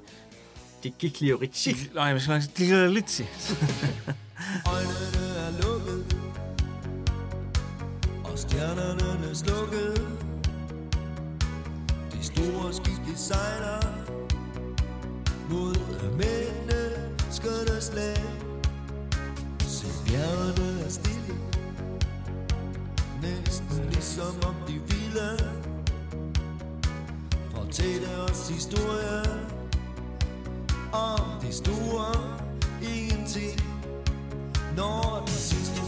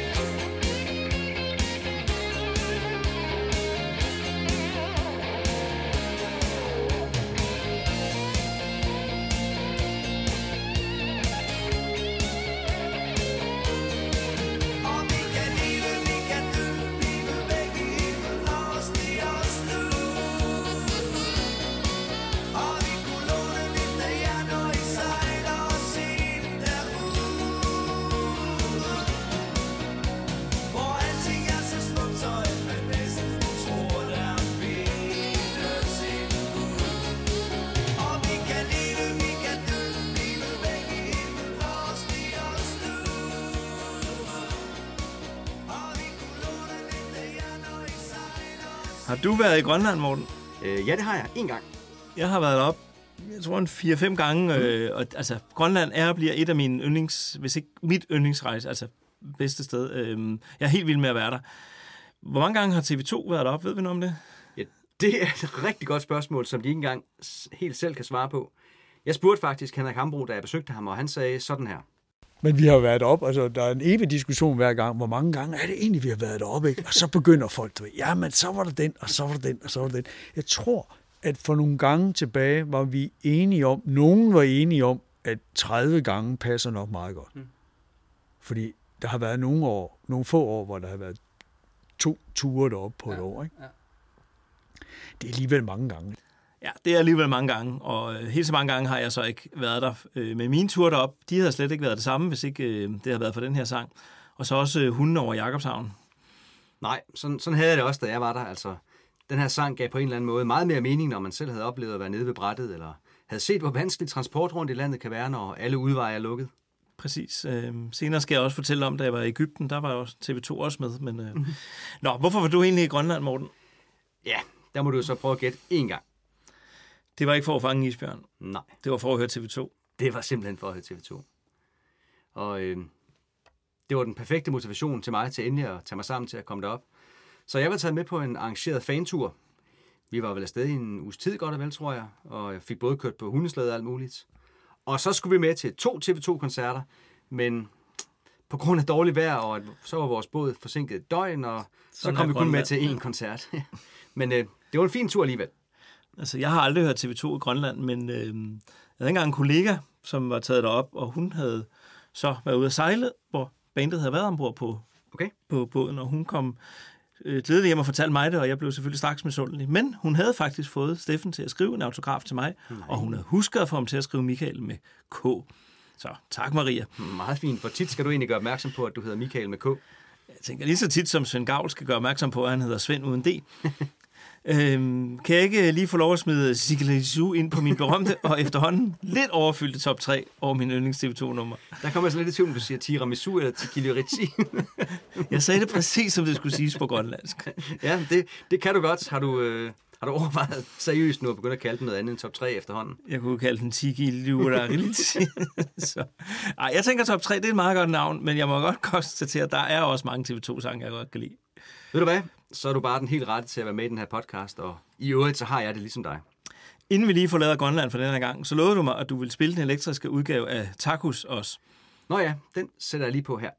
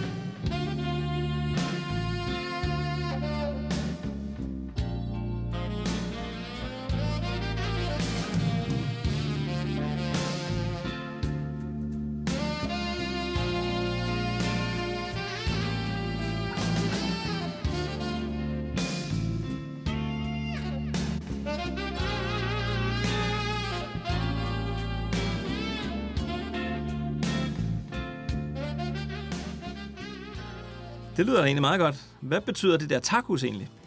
Jamen, øh, det betyder noget i retning af, at vi ses eller på gensyn. Ja, og sangtitlen, som jeg skal spare jer for at sige mere, det betyder så velkommen.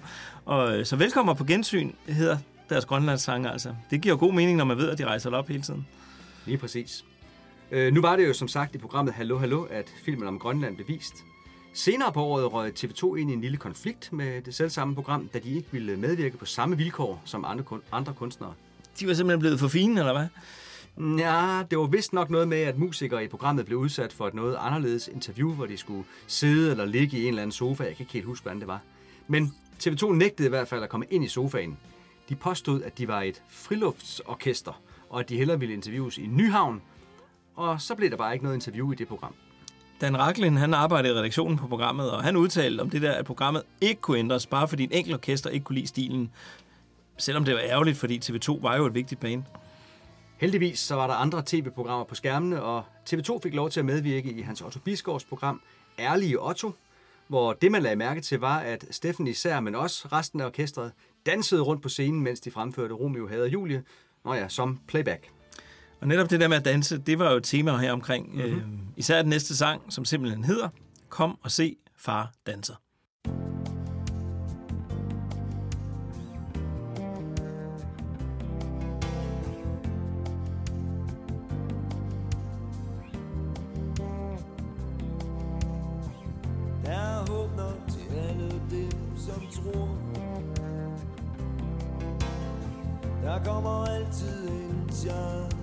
Til. Med lidt god vilje går det som det skal. Og som sagt, så kan man, hvad man vil. Der er talemåder,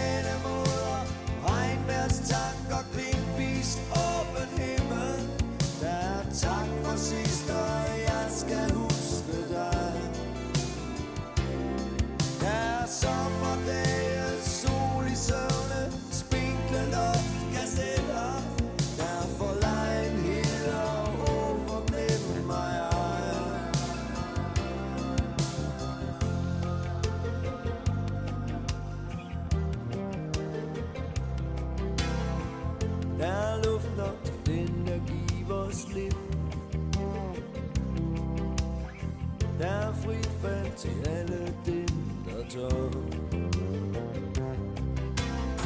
Der er et helt univers af ild og støv. Men stille som ingen har prøvet før. Der er restløs rytme, længselsfulde søndags tomme gader. Der er skøn dig, ellers kommer du for sent.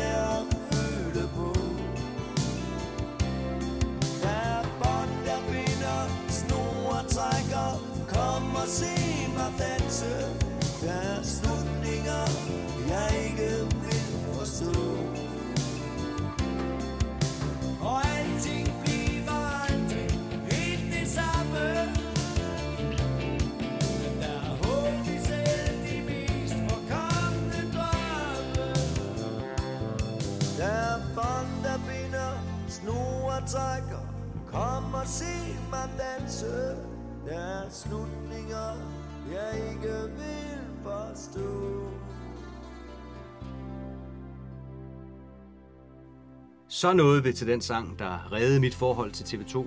Det var, som jeg fortalte tidligere, lige præcis den her sang, der blev spillet hver eneste søndag i Sport på træerne, og overbeviste mig om, at TV2 stadigvæk var gode. Og det er jo også en virkelig god og klog sang. Øhm, Her får vi at vide, at der altid er håb nok, og der altid kommer en chance til.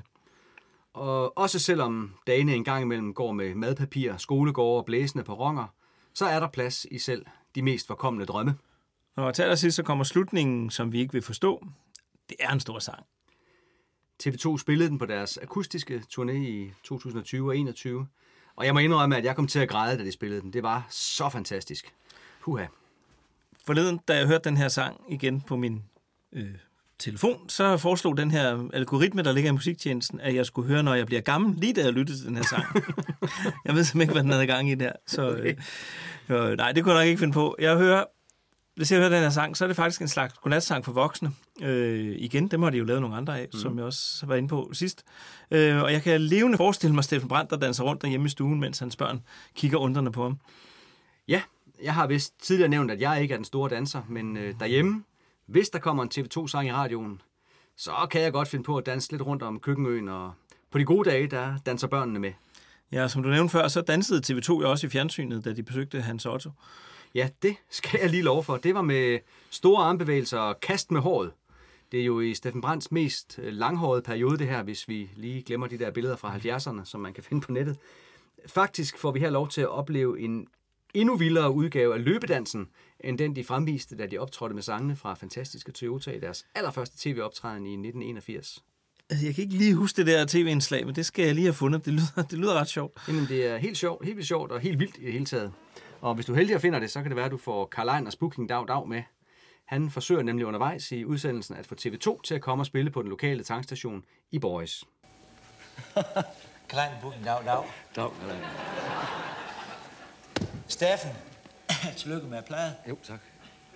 Steffen, øh, jeg tror lige, jeg har en job til Ja. Øhm, men jeg skal lige vide en ting. Hvor mange er I egentlig i orkester?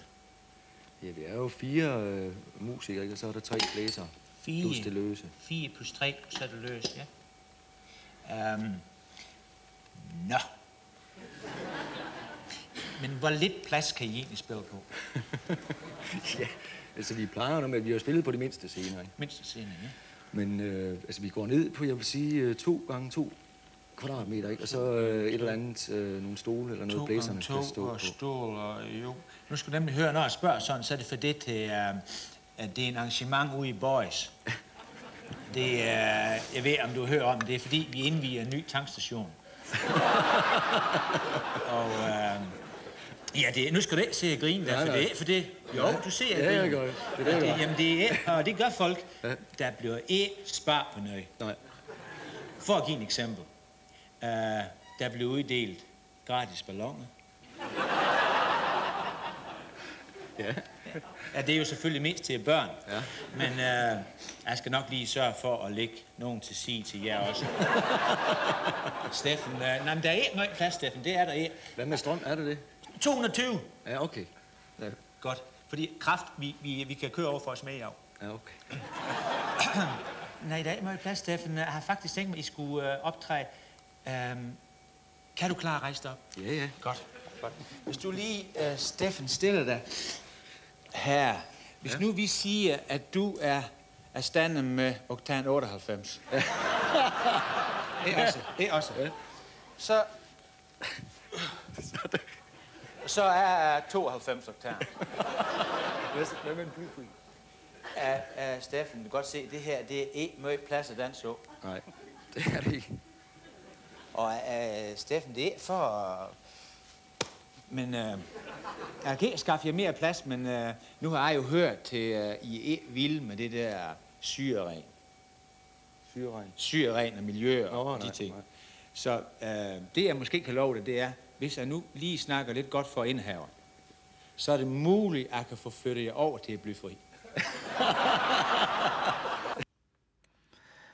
Men uanset hvad, så er Kom og se fra danser vildt smuk. Øh, og den beviser også, at Steffen Brandt er en stor komponist. Altså, hans tekster bliver tit fremhævet, men vi skal altså ikke glemme, at han også skriver nogle fantastiske melodier. Det er jo helt ret i, Michael. Og netop hans evner som komponist gjorde han brug af i 1989, hvor Bellevue Teatret nord for København satte rockforestillingen Nemo op. Det var nemlig en øh, forestilling, hvor til Steffen Brandt skrev musikken, men ikke teksterne. Nej, måske lidt ærgerligt, men øh, de blev skrevet af en, der hed Ebbe Knudsen, og forestillingen havde ingen ringere end McPick i hovedrollen. Jeg har fundet en artikel fra Politiken juleaften 1988, hvor de skriver om, at forestillingen er på vej, og at den vil få musik af Steffen Brandt og tekster af Dan Tyrell. Ja, det kunne altså være noget, men øh, når jeg læser anmeldelser af forestillingen, så ser den ikke ud til at være noget særligt. Nej, der er da vist ingen af sangene derfra, der efterfølgende er blevet hits, og Fordi Steffen ikke skrev teksterne. det er nok det. Jeg har heller ikke kunne finde noget af musikken nogen, nogen steder. Men hvis der er nogen af vores øh, lyttere, der ved mere om forestillingen, så hører vi gerne fra jer. Det kunne være sjovt, hvis I kunne finde noget af musikken, så vi kan få det med i vores opsamlingsafsnit for eksempel. Du kan sikkert godt selv høre det, ikke? Hør hvad? Ja, du har lige bedt vores lytter om at finde Nemo. Nå ja. Ja. det havde jeg ikke lige det havde jeg ikke tænkt på, men, men jo, hjælp os gerne med at finde Nemo. Øh, faktisk så var det også på det tidspunkt øh, forlydende frem om, at Steffen Brandt han skulle skrive en musical sammen med forfatteren i Michael. Den skulle hedde Immortellers, Immortellers Bryllup, øh, men jeg har heller ikke kunne finde ud af, om det projekt skulle blive til noget. Kun om, at, øh, at Ib Michael var i Rom og skrive den. Okay.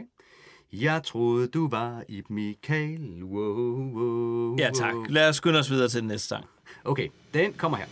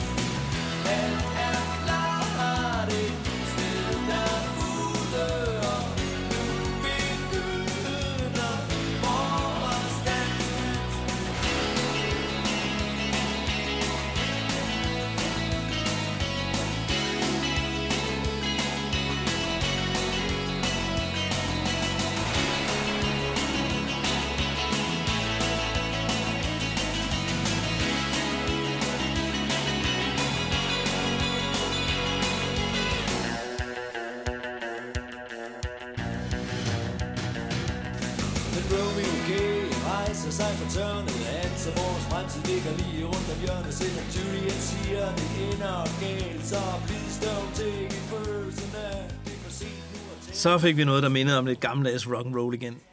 Ja, introen minder lidt om Eddie Cochrans gamle klassiker Summertime Blues. Ja, eller Mirakel Whip-sangen, som nogen også kender den som. ja, uff. Som tidligere nævnt, så udkom pladen her den 9. april 1990, hvilket var præcis fem måneder efter, at Berlinmuren faldt. Ja, og det ville have været mærkeligt, hvis ikke en så stor verdenshistorisk begivenhed kunne fornemmes på TV2's nye album. Det var en øh, periode præget af stor optimisme, men det er ikke den følelse, Steffen Brandt formidler i den her sang. Jeg så i avisen, at historien er slut. Alle tanker er tænkt, også dem, der var forbudt. Den vestlige verden har sejret sig ihjel på ideen om, at alle skal klare sig selv. Selv russerne er gået ned med flaget lige der, hvor Stalin ligger begravet. Det er et spørgsmål om tid, ja, det er lige før. Den tredje verden står og banker på din dør. Uh, altså den der linje med den tredje verden, der står snart og banker på vores dør, den har altid givet mig lidt gåsehud. Og, altså også de senere år. Skal vi have skruet op for varmen herinde, Michael? Du får gås ud hele tiden. Vi hører TV2, Morten. Nå ja. Men øh, du skal også huske på, at Plats hyldes sang til Steffen Brandt hed Profeten og Lillemor. Det var nok ikke tilfældigt. Og ellers er det værd at nævne, at Romeo og Julia med igen. Nu som uh, Romeo K. Fedt ordspil i øvrigt. Og Juliet. Ja, og endnu en gang er Ivan Pedersen med på kor, og sangen er produceret af Lars Overgaard. Ja, Lars Overgaard, han er blandt andet også kendt for at arbejde sammen med folk som D.A.D. og Kim Larsen, Michael Falk, Dizzy. Og apropos store navne, så fik TV2 lov til at være værter på TV2-programmet Se det er mit program. I deres udgave hed det så bare Se det er vores program. Og i programmet havde man samlet et bredt udsnit af den danske kulturelite. Således medvirkede både Nikolaj Peik, Paul Dissing, Dan Tyrell, Michael Falk og C.V. Jørgensen. Det er lidt af et sammenrend, det der. Ja, det må du nok sige. Og de såkaldt mundre indslag var lagt i hænderne på Erling Erlang og Roger Cormin. Det er ham, Fætter Andreas fra Klovn. Yes. Mm. Og faktisk så var det her en af de allerførste gange, en stand-up-komiker var på landsdækkende tv herhjemme.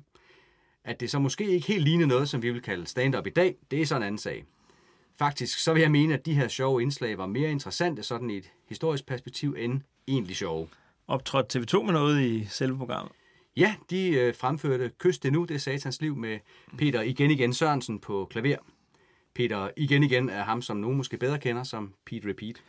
På Hits-DVD'en, der ligger et indslag, hvor Dan Tyrell, han læser, øh, når jeg hører Gustav Winkler i radioen. Er det også fra den her udsendelse? Ja, det er det nemlig, og underlægningsmusikken til hans oplæsning er faktisk Takus, som vi hørte tidligere. Og sådan bliver vi klogere hele tiden. Det er fantastisk. Vi skylder nok lige at fortælle, at TV2 sammen med albumet udgav en single, der hed The Whole World's Gonna Speak German Again, som i endnu grad, højere grad handlede om uh, murens fald og, og det, der fulgte bagefter. Vi har ikke glemt den single, men uh, vi gemmer den til en senere afsnit. Jeg har til gengæld i mellemtiden fundet ud af, hvorfor pladen hedder det, den hedder. Okay, spændende. Fortæl, fortæl.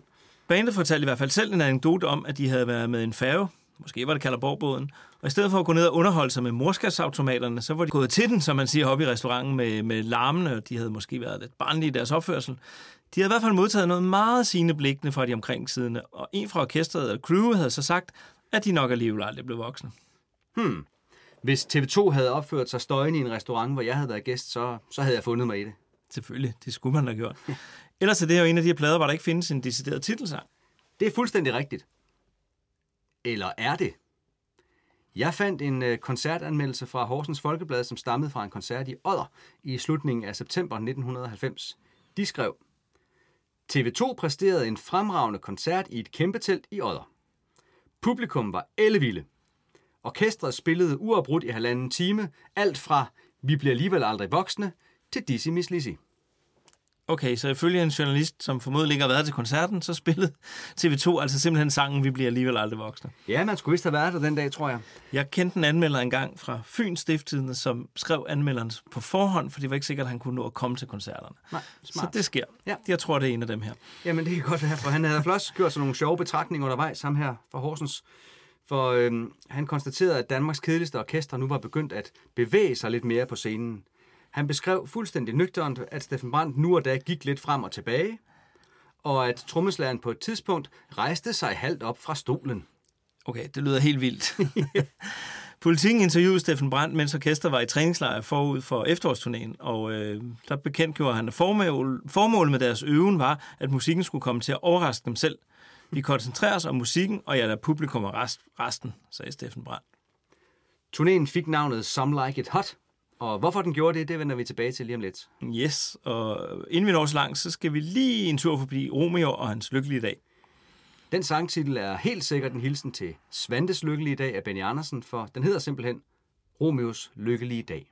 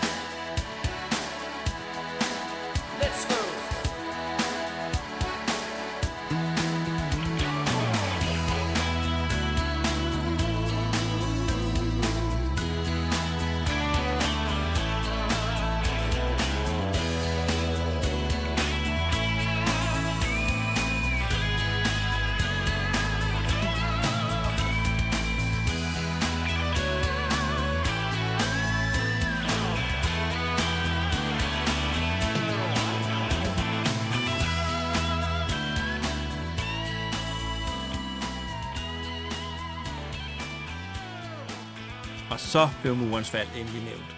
Når alle mure falder, så mød jeg mød mig her. Men spørgsmålet er jo så, om det vidderligt er den mur, der er tale om. Og det tror jeg så faktisk ikke, det er. Jeg hører det mere som en sang om ens egne mure, der kan falde, så man tør lukke håbet ind. Det tror jeg, du har ret i. Murens fald har nok hjulpet til med at sparke den første linje i gang. Øh, noget andet, der nævnes i sangen, som er næsten lige så tidstypisk, det er lykkehjulet. Ja, øh, det nævnt sammen med Junker Forfald. Jeg tror ikke, at Steffen Brandt var fan af det program. Nej, men det lader til, at vi øh, er i den periode af hans liv, hvor han stadigvæk ryger cigaretter.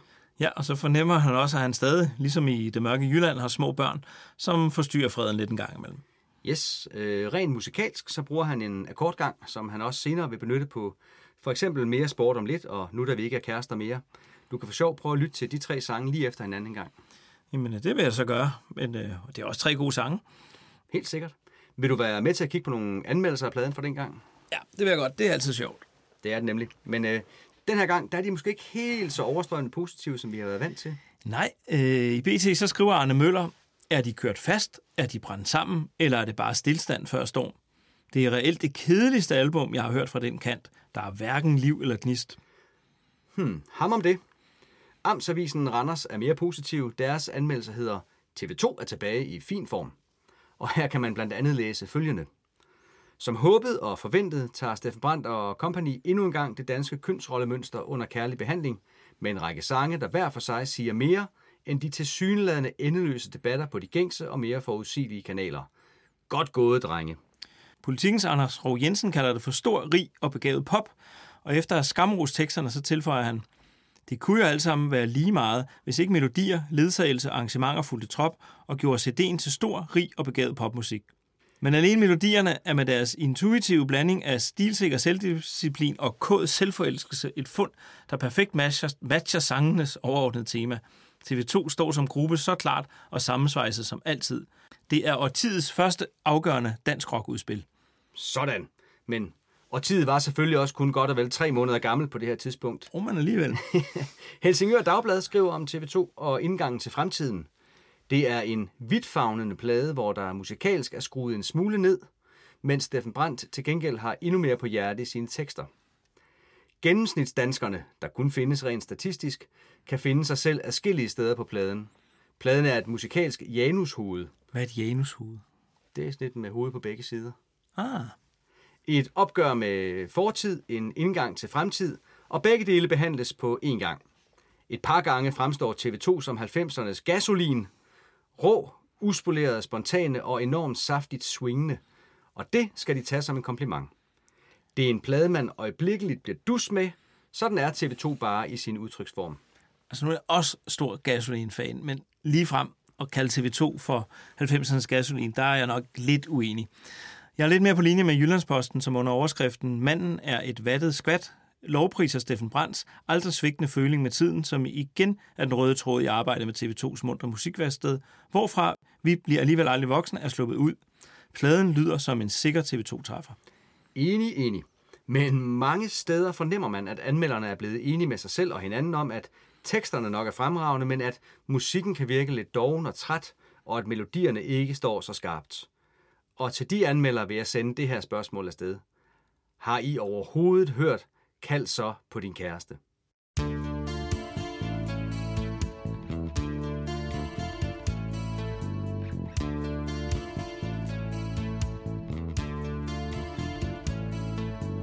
Kald så på din kæreste, kald en lige, hvad du vil. Kald en elskede hele natten lang. Kald i navne for det smukkeste, du ved og aldrig glemmer. Kald i alt det, som du troede på en gang. Kald så på din kæreste, lad os se mit blinde håb. En gnist der glæde langt væk indeni Kald en drømme, du har drømt Kald en alt det, du har mistet. Kald en tid, som for længst er forbi. Kald en smuk og kald en åndssvag Kald en dum som en dør. Kald en ord, som ingen tror alligevel Kald en ud over ligegyldigheden. Kald en til dig. Kald det frem, hun har gemt.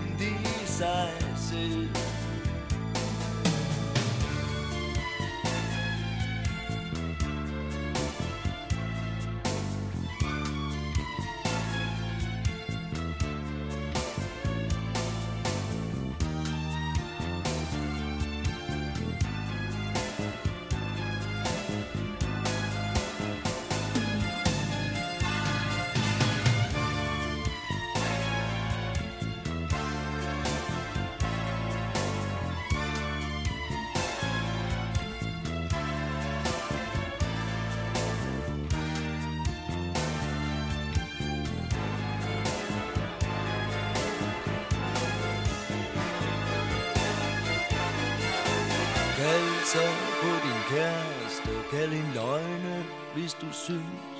Kald en lykkelig og lidt som en leg. Kald en nætter, I har råbt og skræd, elsket og had. Kald en alt det, som betyder noget for dig. Kald en ud og kald en hjem, giv en fri og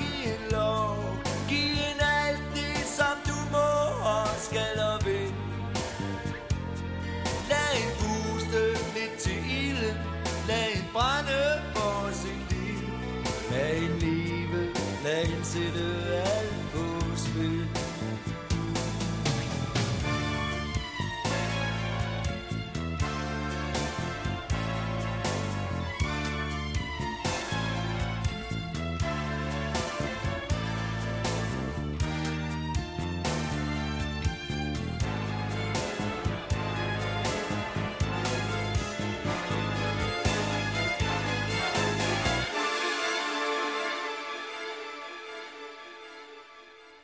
Det var da så noget helt andet.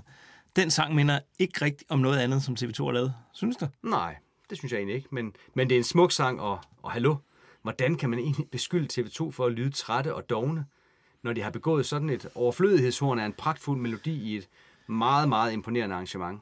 Nej, jeg synes heller ikke, træthed og dogenskab, det er det første, der lige falder mig ind. Øh, sangen er produceret af Bo Holten, som er, ja, han er en anerkendt komponist og dirigent. Ja, i, i mange år stod han i spidsen for det utroligt dygtige vokalensemble Ars Nova. Til Ringsted Dagblad så forklarede Steffen Brandt, hvorfor de havde spurgt lige præcis øh, Bo Holten. Vi ved jo, at han har lavet en del filmmusik, og han er meget spændende og anderledes tænkende. Og så havde vi et nummer med lidt filmkarakter og mellemkrigstidsstemning med Liva Vel og Brecht. Vi fandt ud af, at vi skulle have en rigtig instrumenter med.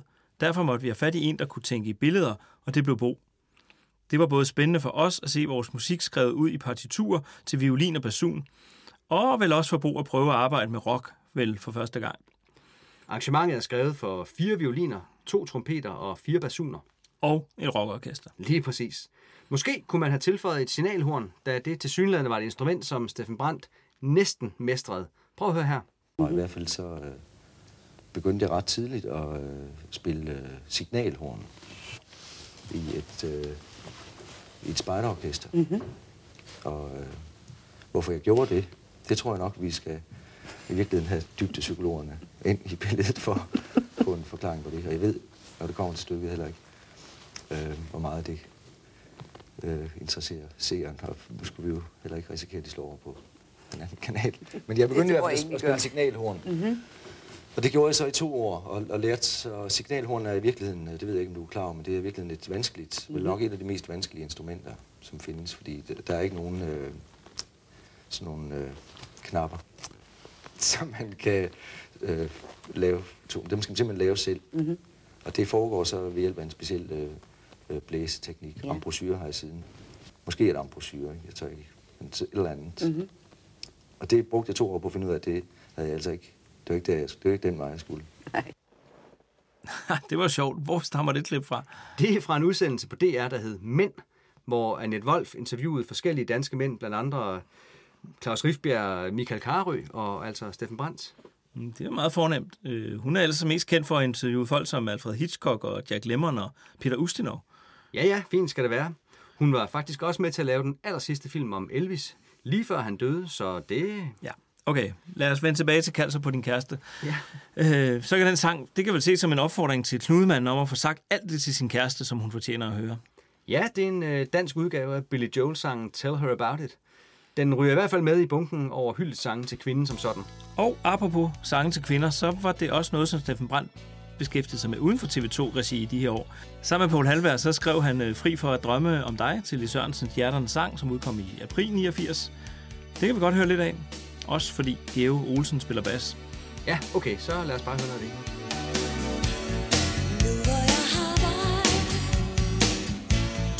Næsten ligesom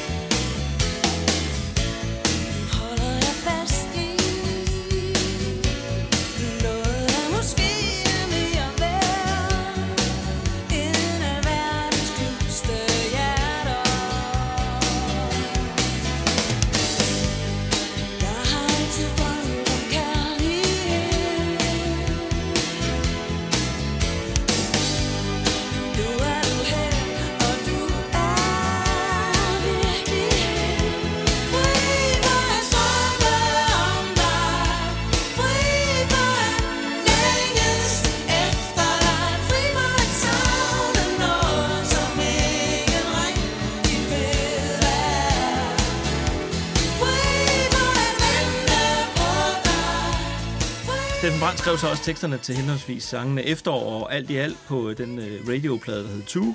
Og øh, sangen Efterår spillede TV2 faktisk på deres akustiske turné i 2020 og 2021, ligesom Steffen Brandt ofte spiller den, når han optræder med sit soloprojekt, En mand med sin guitar. Øhm, vil du også høre radio, så?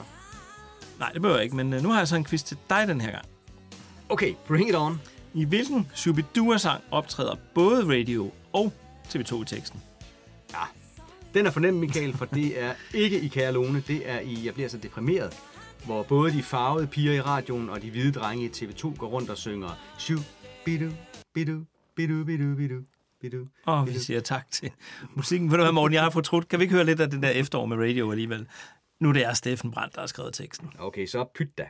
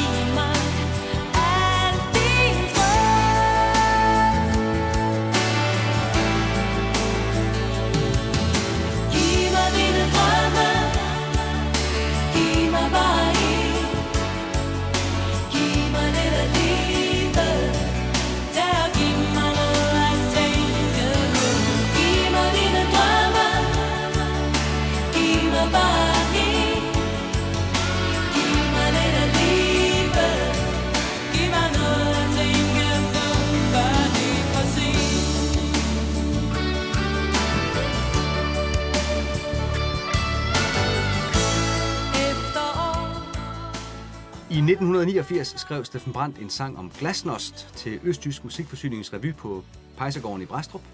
Ja, og den øh, 5. maj samme år, så spillede TV2 til arrangementet Rock for Nicaragua i KB-hallen sammen med blandt andre Lis Sørensen og Thomas Helmi, Mick Pick og Henning Stærk.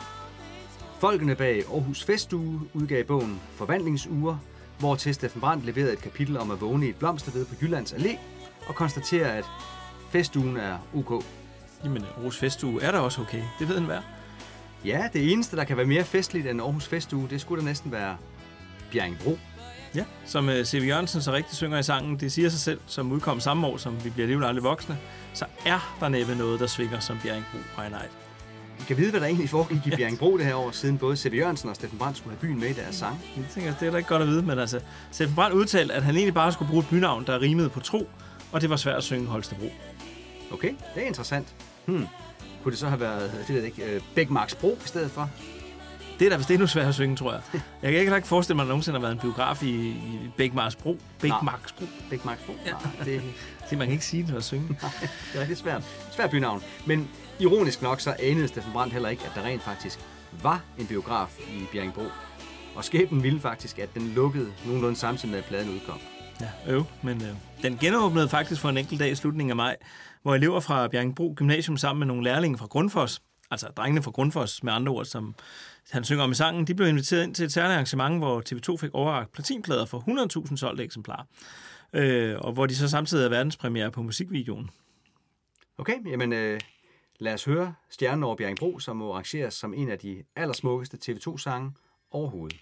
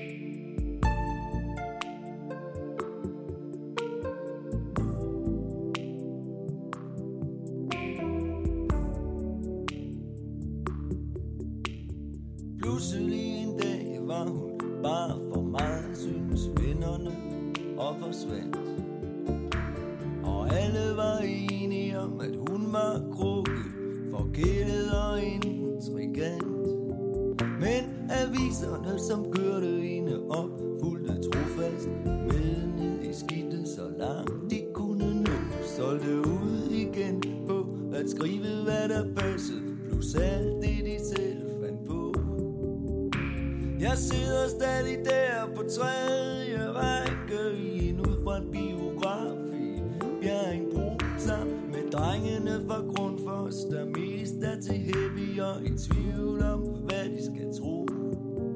Men de tror hvert ord, hun siger, der i mørket om knuste hjerter og urolig kærlighed.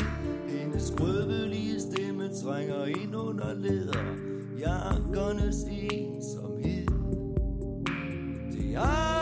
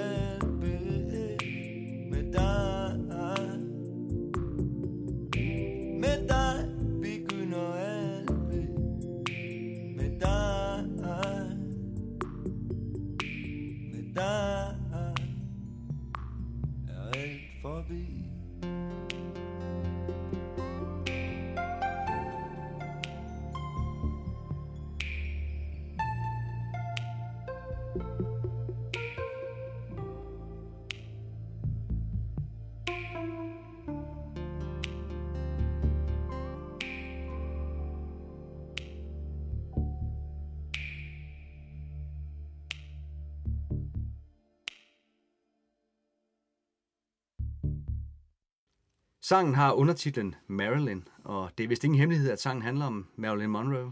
Nej, det tror jeg også er almen viden. Øh, og det er jo samme hovedperson som i Elton Johns Candle in the Wind. Ja, men øh, i det her tilfælde, der fik hun lov til at beholde sangen for sig selv. Der blev der for eksempel ikke lavet en ny version af Stjernen over Bjerringbro, da prinsesse Diana døde. Nej, heldigvis. Øh, apropos prinsesser, så er der et citat på inderposen af, af LP'en, som stammer fra en anekdote, som ja, i det oceanske natliv. Øh, I Stølge, Steffen Brandt, så er den her historie sand, men man ved aldrig helt med ham. Øh, og med alting er, så var det en aften på Aarhus Diskoteket Klub Fisk, hvor toiletdøren gik op, og ind kom kronprins Frederik. Han lænede sig så lidt træt sit hoved mod toiletmuren og fyrede den her kommentar af om sin nye voksentilværelse. Shit, de vil alle sammen være dronning. Okay, så det er derfor, der står shit, de vil alle sammen være dronning. Ja. Sjovt. Hvad så med det andet citat? Jeg tror ikke på den der med den hvide hest. Min prins er langhåret, arbejdsløs og kommer på sin gamle rustne cykel. Julie 1990. Ja, den tror jeg bare er fabrikeret til lejligheden. Øh, Stjernen over Bjerringbro blev jo også første gang fremført på Bornholm i sommeren 89. Men øh, der var den opkaldt efter Marilyn Monroe-filmen Some Like It Hot. Og det må så være derfor, at TV2's turné i efteråret hed netop det. Det er en øh, smuk udgave, den her sang, af den evige historie om en stjernes vej til og fra toppen. Og så er der en fin pointe med sangeren og drengene fra Grundfos, der stadig tror hvert ord, hun siger der i mørket om knuste hjerter og urolig kærlighed. Vi skal jo huske, at det ikke kun var drengene fra Grundfos, der gik i læderjakke på det her tidspunkt. Det gjorde Steffen B. og de andre i bandet i den grad også. Ja, hvis du ligesom øh, jeg tit har gjort, har spekuleret over, hvad der egentlig skete med de der drenge fra Grundfos, da filmen var slut, så kom øh, digteren Josefine Klogart faktisk med sit bud på netop det, da TV2 holdt 30 års jubilæumskoncert i Operan i København. Og det synes jeg godt, vi kan høre lidt af her. De skal der ud og have en øl efter filmen. De skal da have en enkelt. For det er torsdag aften, og på den måde er der jo ikke noget, der står i vejen for, at de går lidt i byen, drengene. Der er ikke nogen af dem, som behøver at tænke på deres nattesøvn. Hvem gider os tælle 3, 4, 5 timer søvn på Grundfos i Bjerringbro? Er fredag bare en uvirkelig parentes mellem torsdag nat og weekend? Ja, efterhånden virker hele torsdag som et flyvende tilløb til weekenden. Der er i udgangspunktet basis for en stor aften i byen. Det er blevet sommer i Bjerringbro endelig. Læderjakkerne skal luftes, og der er ude servering og en stemning næsten som open by night. Der er ikke for alvor noget at brokse over, sådan set. Det er bare tæt på, at drengene så alligevel kommer til det. Det er, da de først er ude på hovedgaden foran biografen. Mørket og de her støvede grønne plyssæder har trukket enhver erindring om solskin ud af drengene. enhver lyst til lys og den slags. Og så meget desto hårdere slår den nu aftensolen. Sommernatten kommer ligesom nedefra. Drengenes øjne spjætter i ansigterne. De små muskler trækker sig sammen i uskyldige kramper, lidt som om huden omkring øjnene er et stykke stof, nogen er ved at rempe sammen med en tynd sytråd. Morten, vi er simpelthen kommet så langt, vi skal til at uddele vores stjerner og give vores anmeldelser. Allerede? Ja, og jeg er spændt på, hvad du siger denne gang, for jeg, jeg synes, det er lidt svært. Jamen, øh, okay. Jeg tør godt afsløre, at jeg er, jeg er begejstret. Jamen, det er jeg også, men øh, jeg vil godt lige høre, hvad du er kommet frem til i dag. Okay, så. Øh, jeg må indrømme, at jeg faktisk var klar til at blive skuffet, da jeg skulle til at genhøre, Vi bliver alligevel aldrig voksne. Især fordi det gik op for mig sidste gang, hvor begejstret jeg egentlig var for nærmest lykkelig. Men så, sang efter sang, opdagede jeg, at jeg også kunne lide det hele på den her plade. Der er langt fra Sænk mine skibe til Jeg vil have dig, og fra Farvel til den søvnige mand til Kald sig på din kæreste. Så det, som nogen måske vil kalde ujævnt, kalder jeg varieret. Hvis jeg skal sige noget negativt om pladen, så er jeg måske overordnet set ikke så glad for trommelyden. Den lyder lidt for tidstypisk for de tidligere 90'ere til min smag. Der kan jeg bedre lide lyden på Nærmest Lykkelig for eksempel. Så jeg lander på fem stjerner den her gang.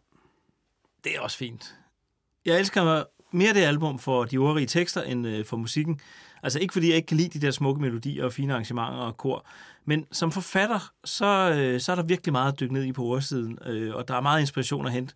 Så det er altså ordene, der står stærkest for mig på Vi bliver livet aldrig voksne. Seks stjerner til sekserne, fem til musikken. Åh oh, nej. Skal vi nu til at dele stjernerne op i tekster og musikstjerner fra nu af?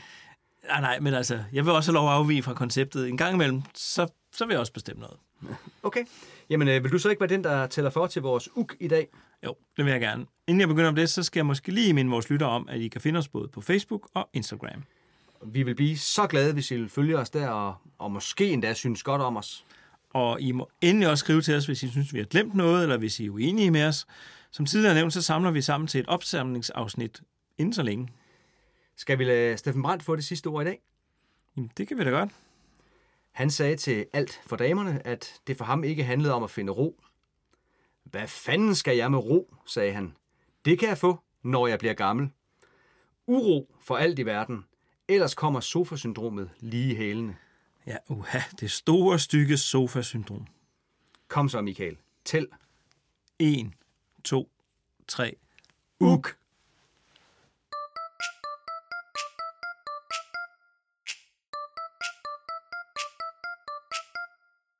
Vi taler kun om TV2 oh, oh. Ba, ba, da, ba, da, ba. De er gode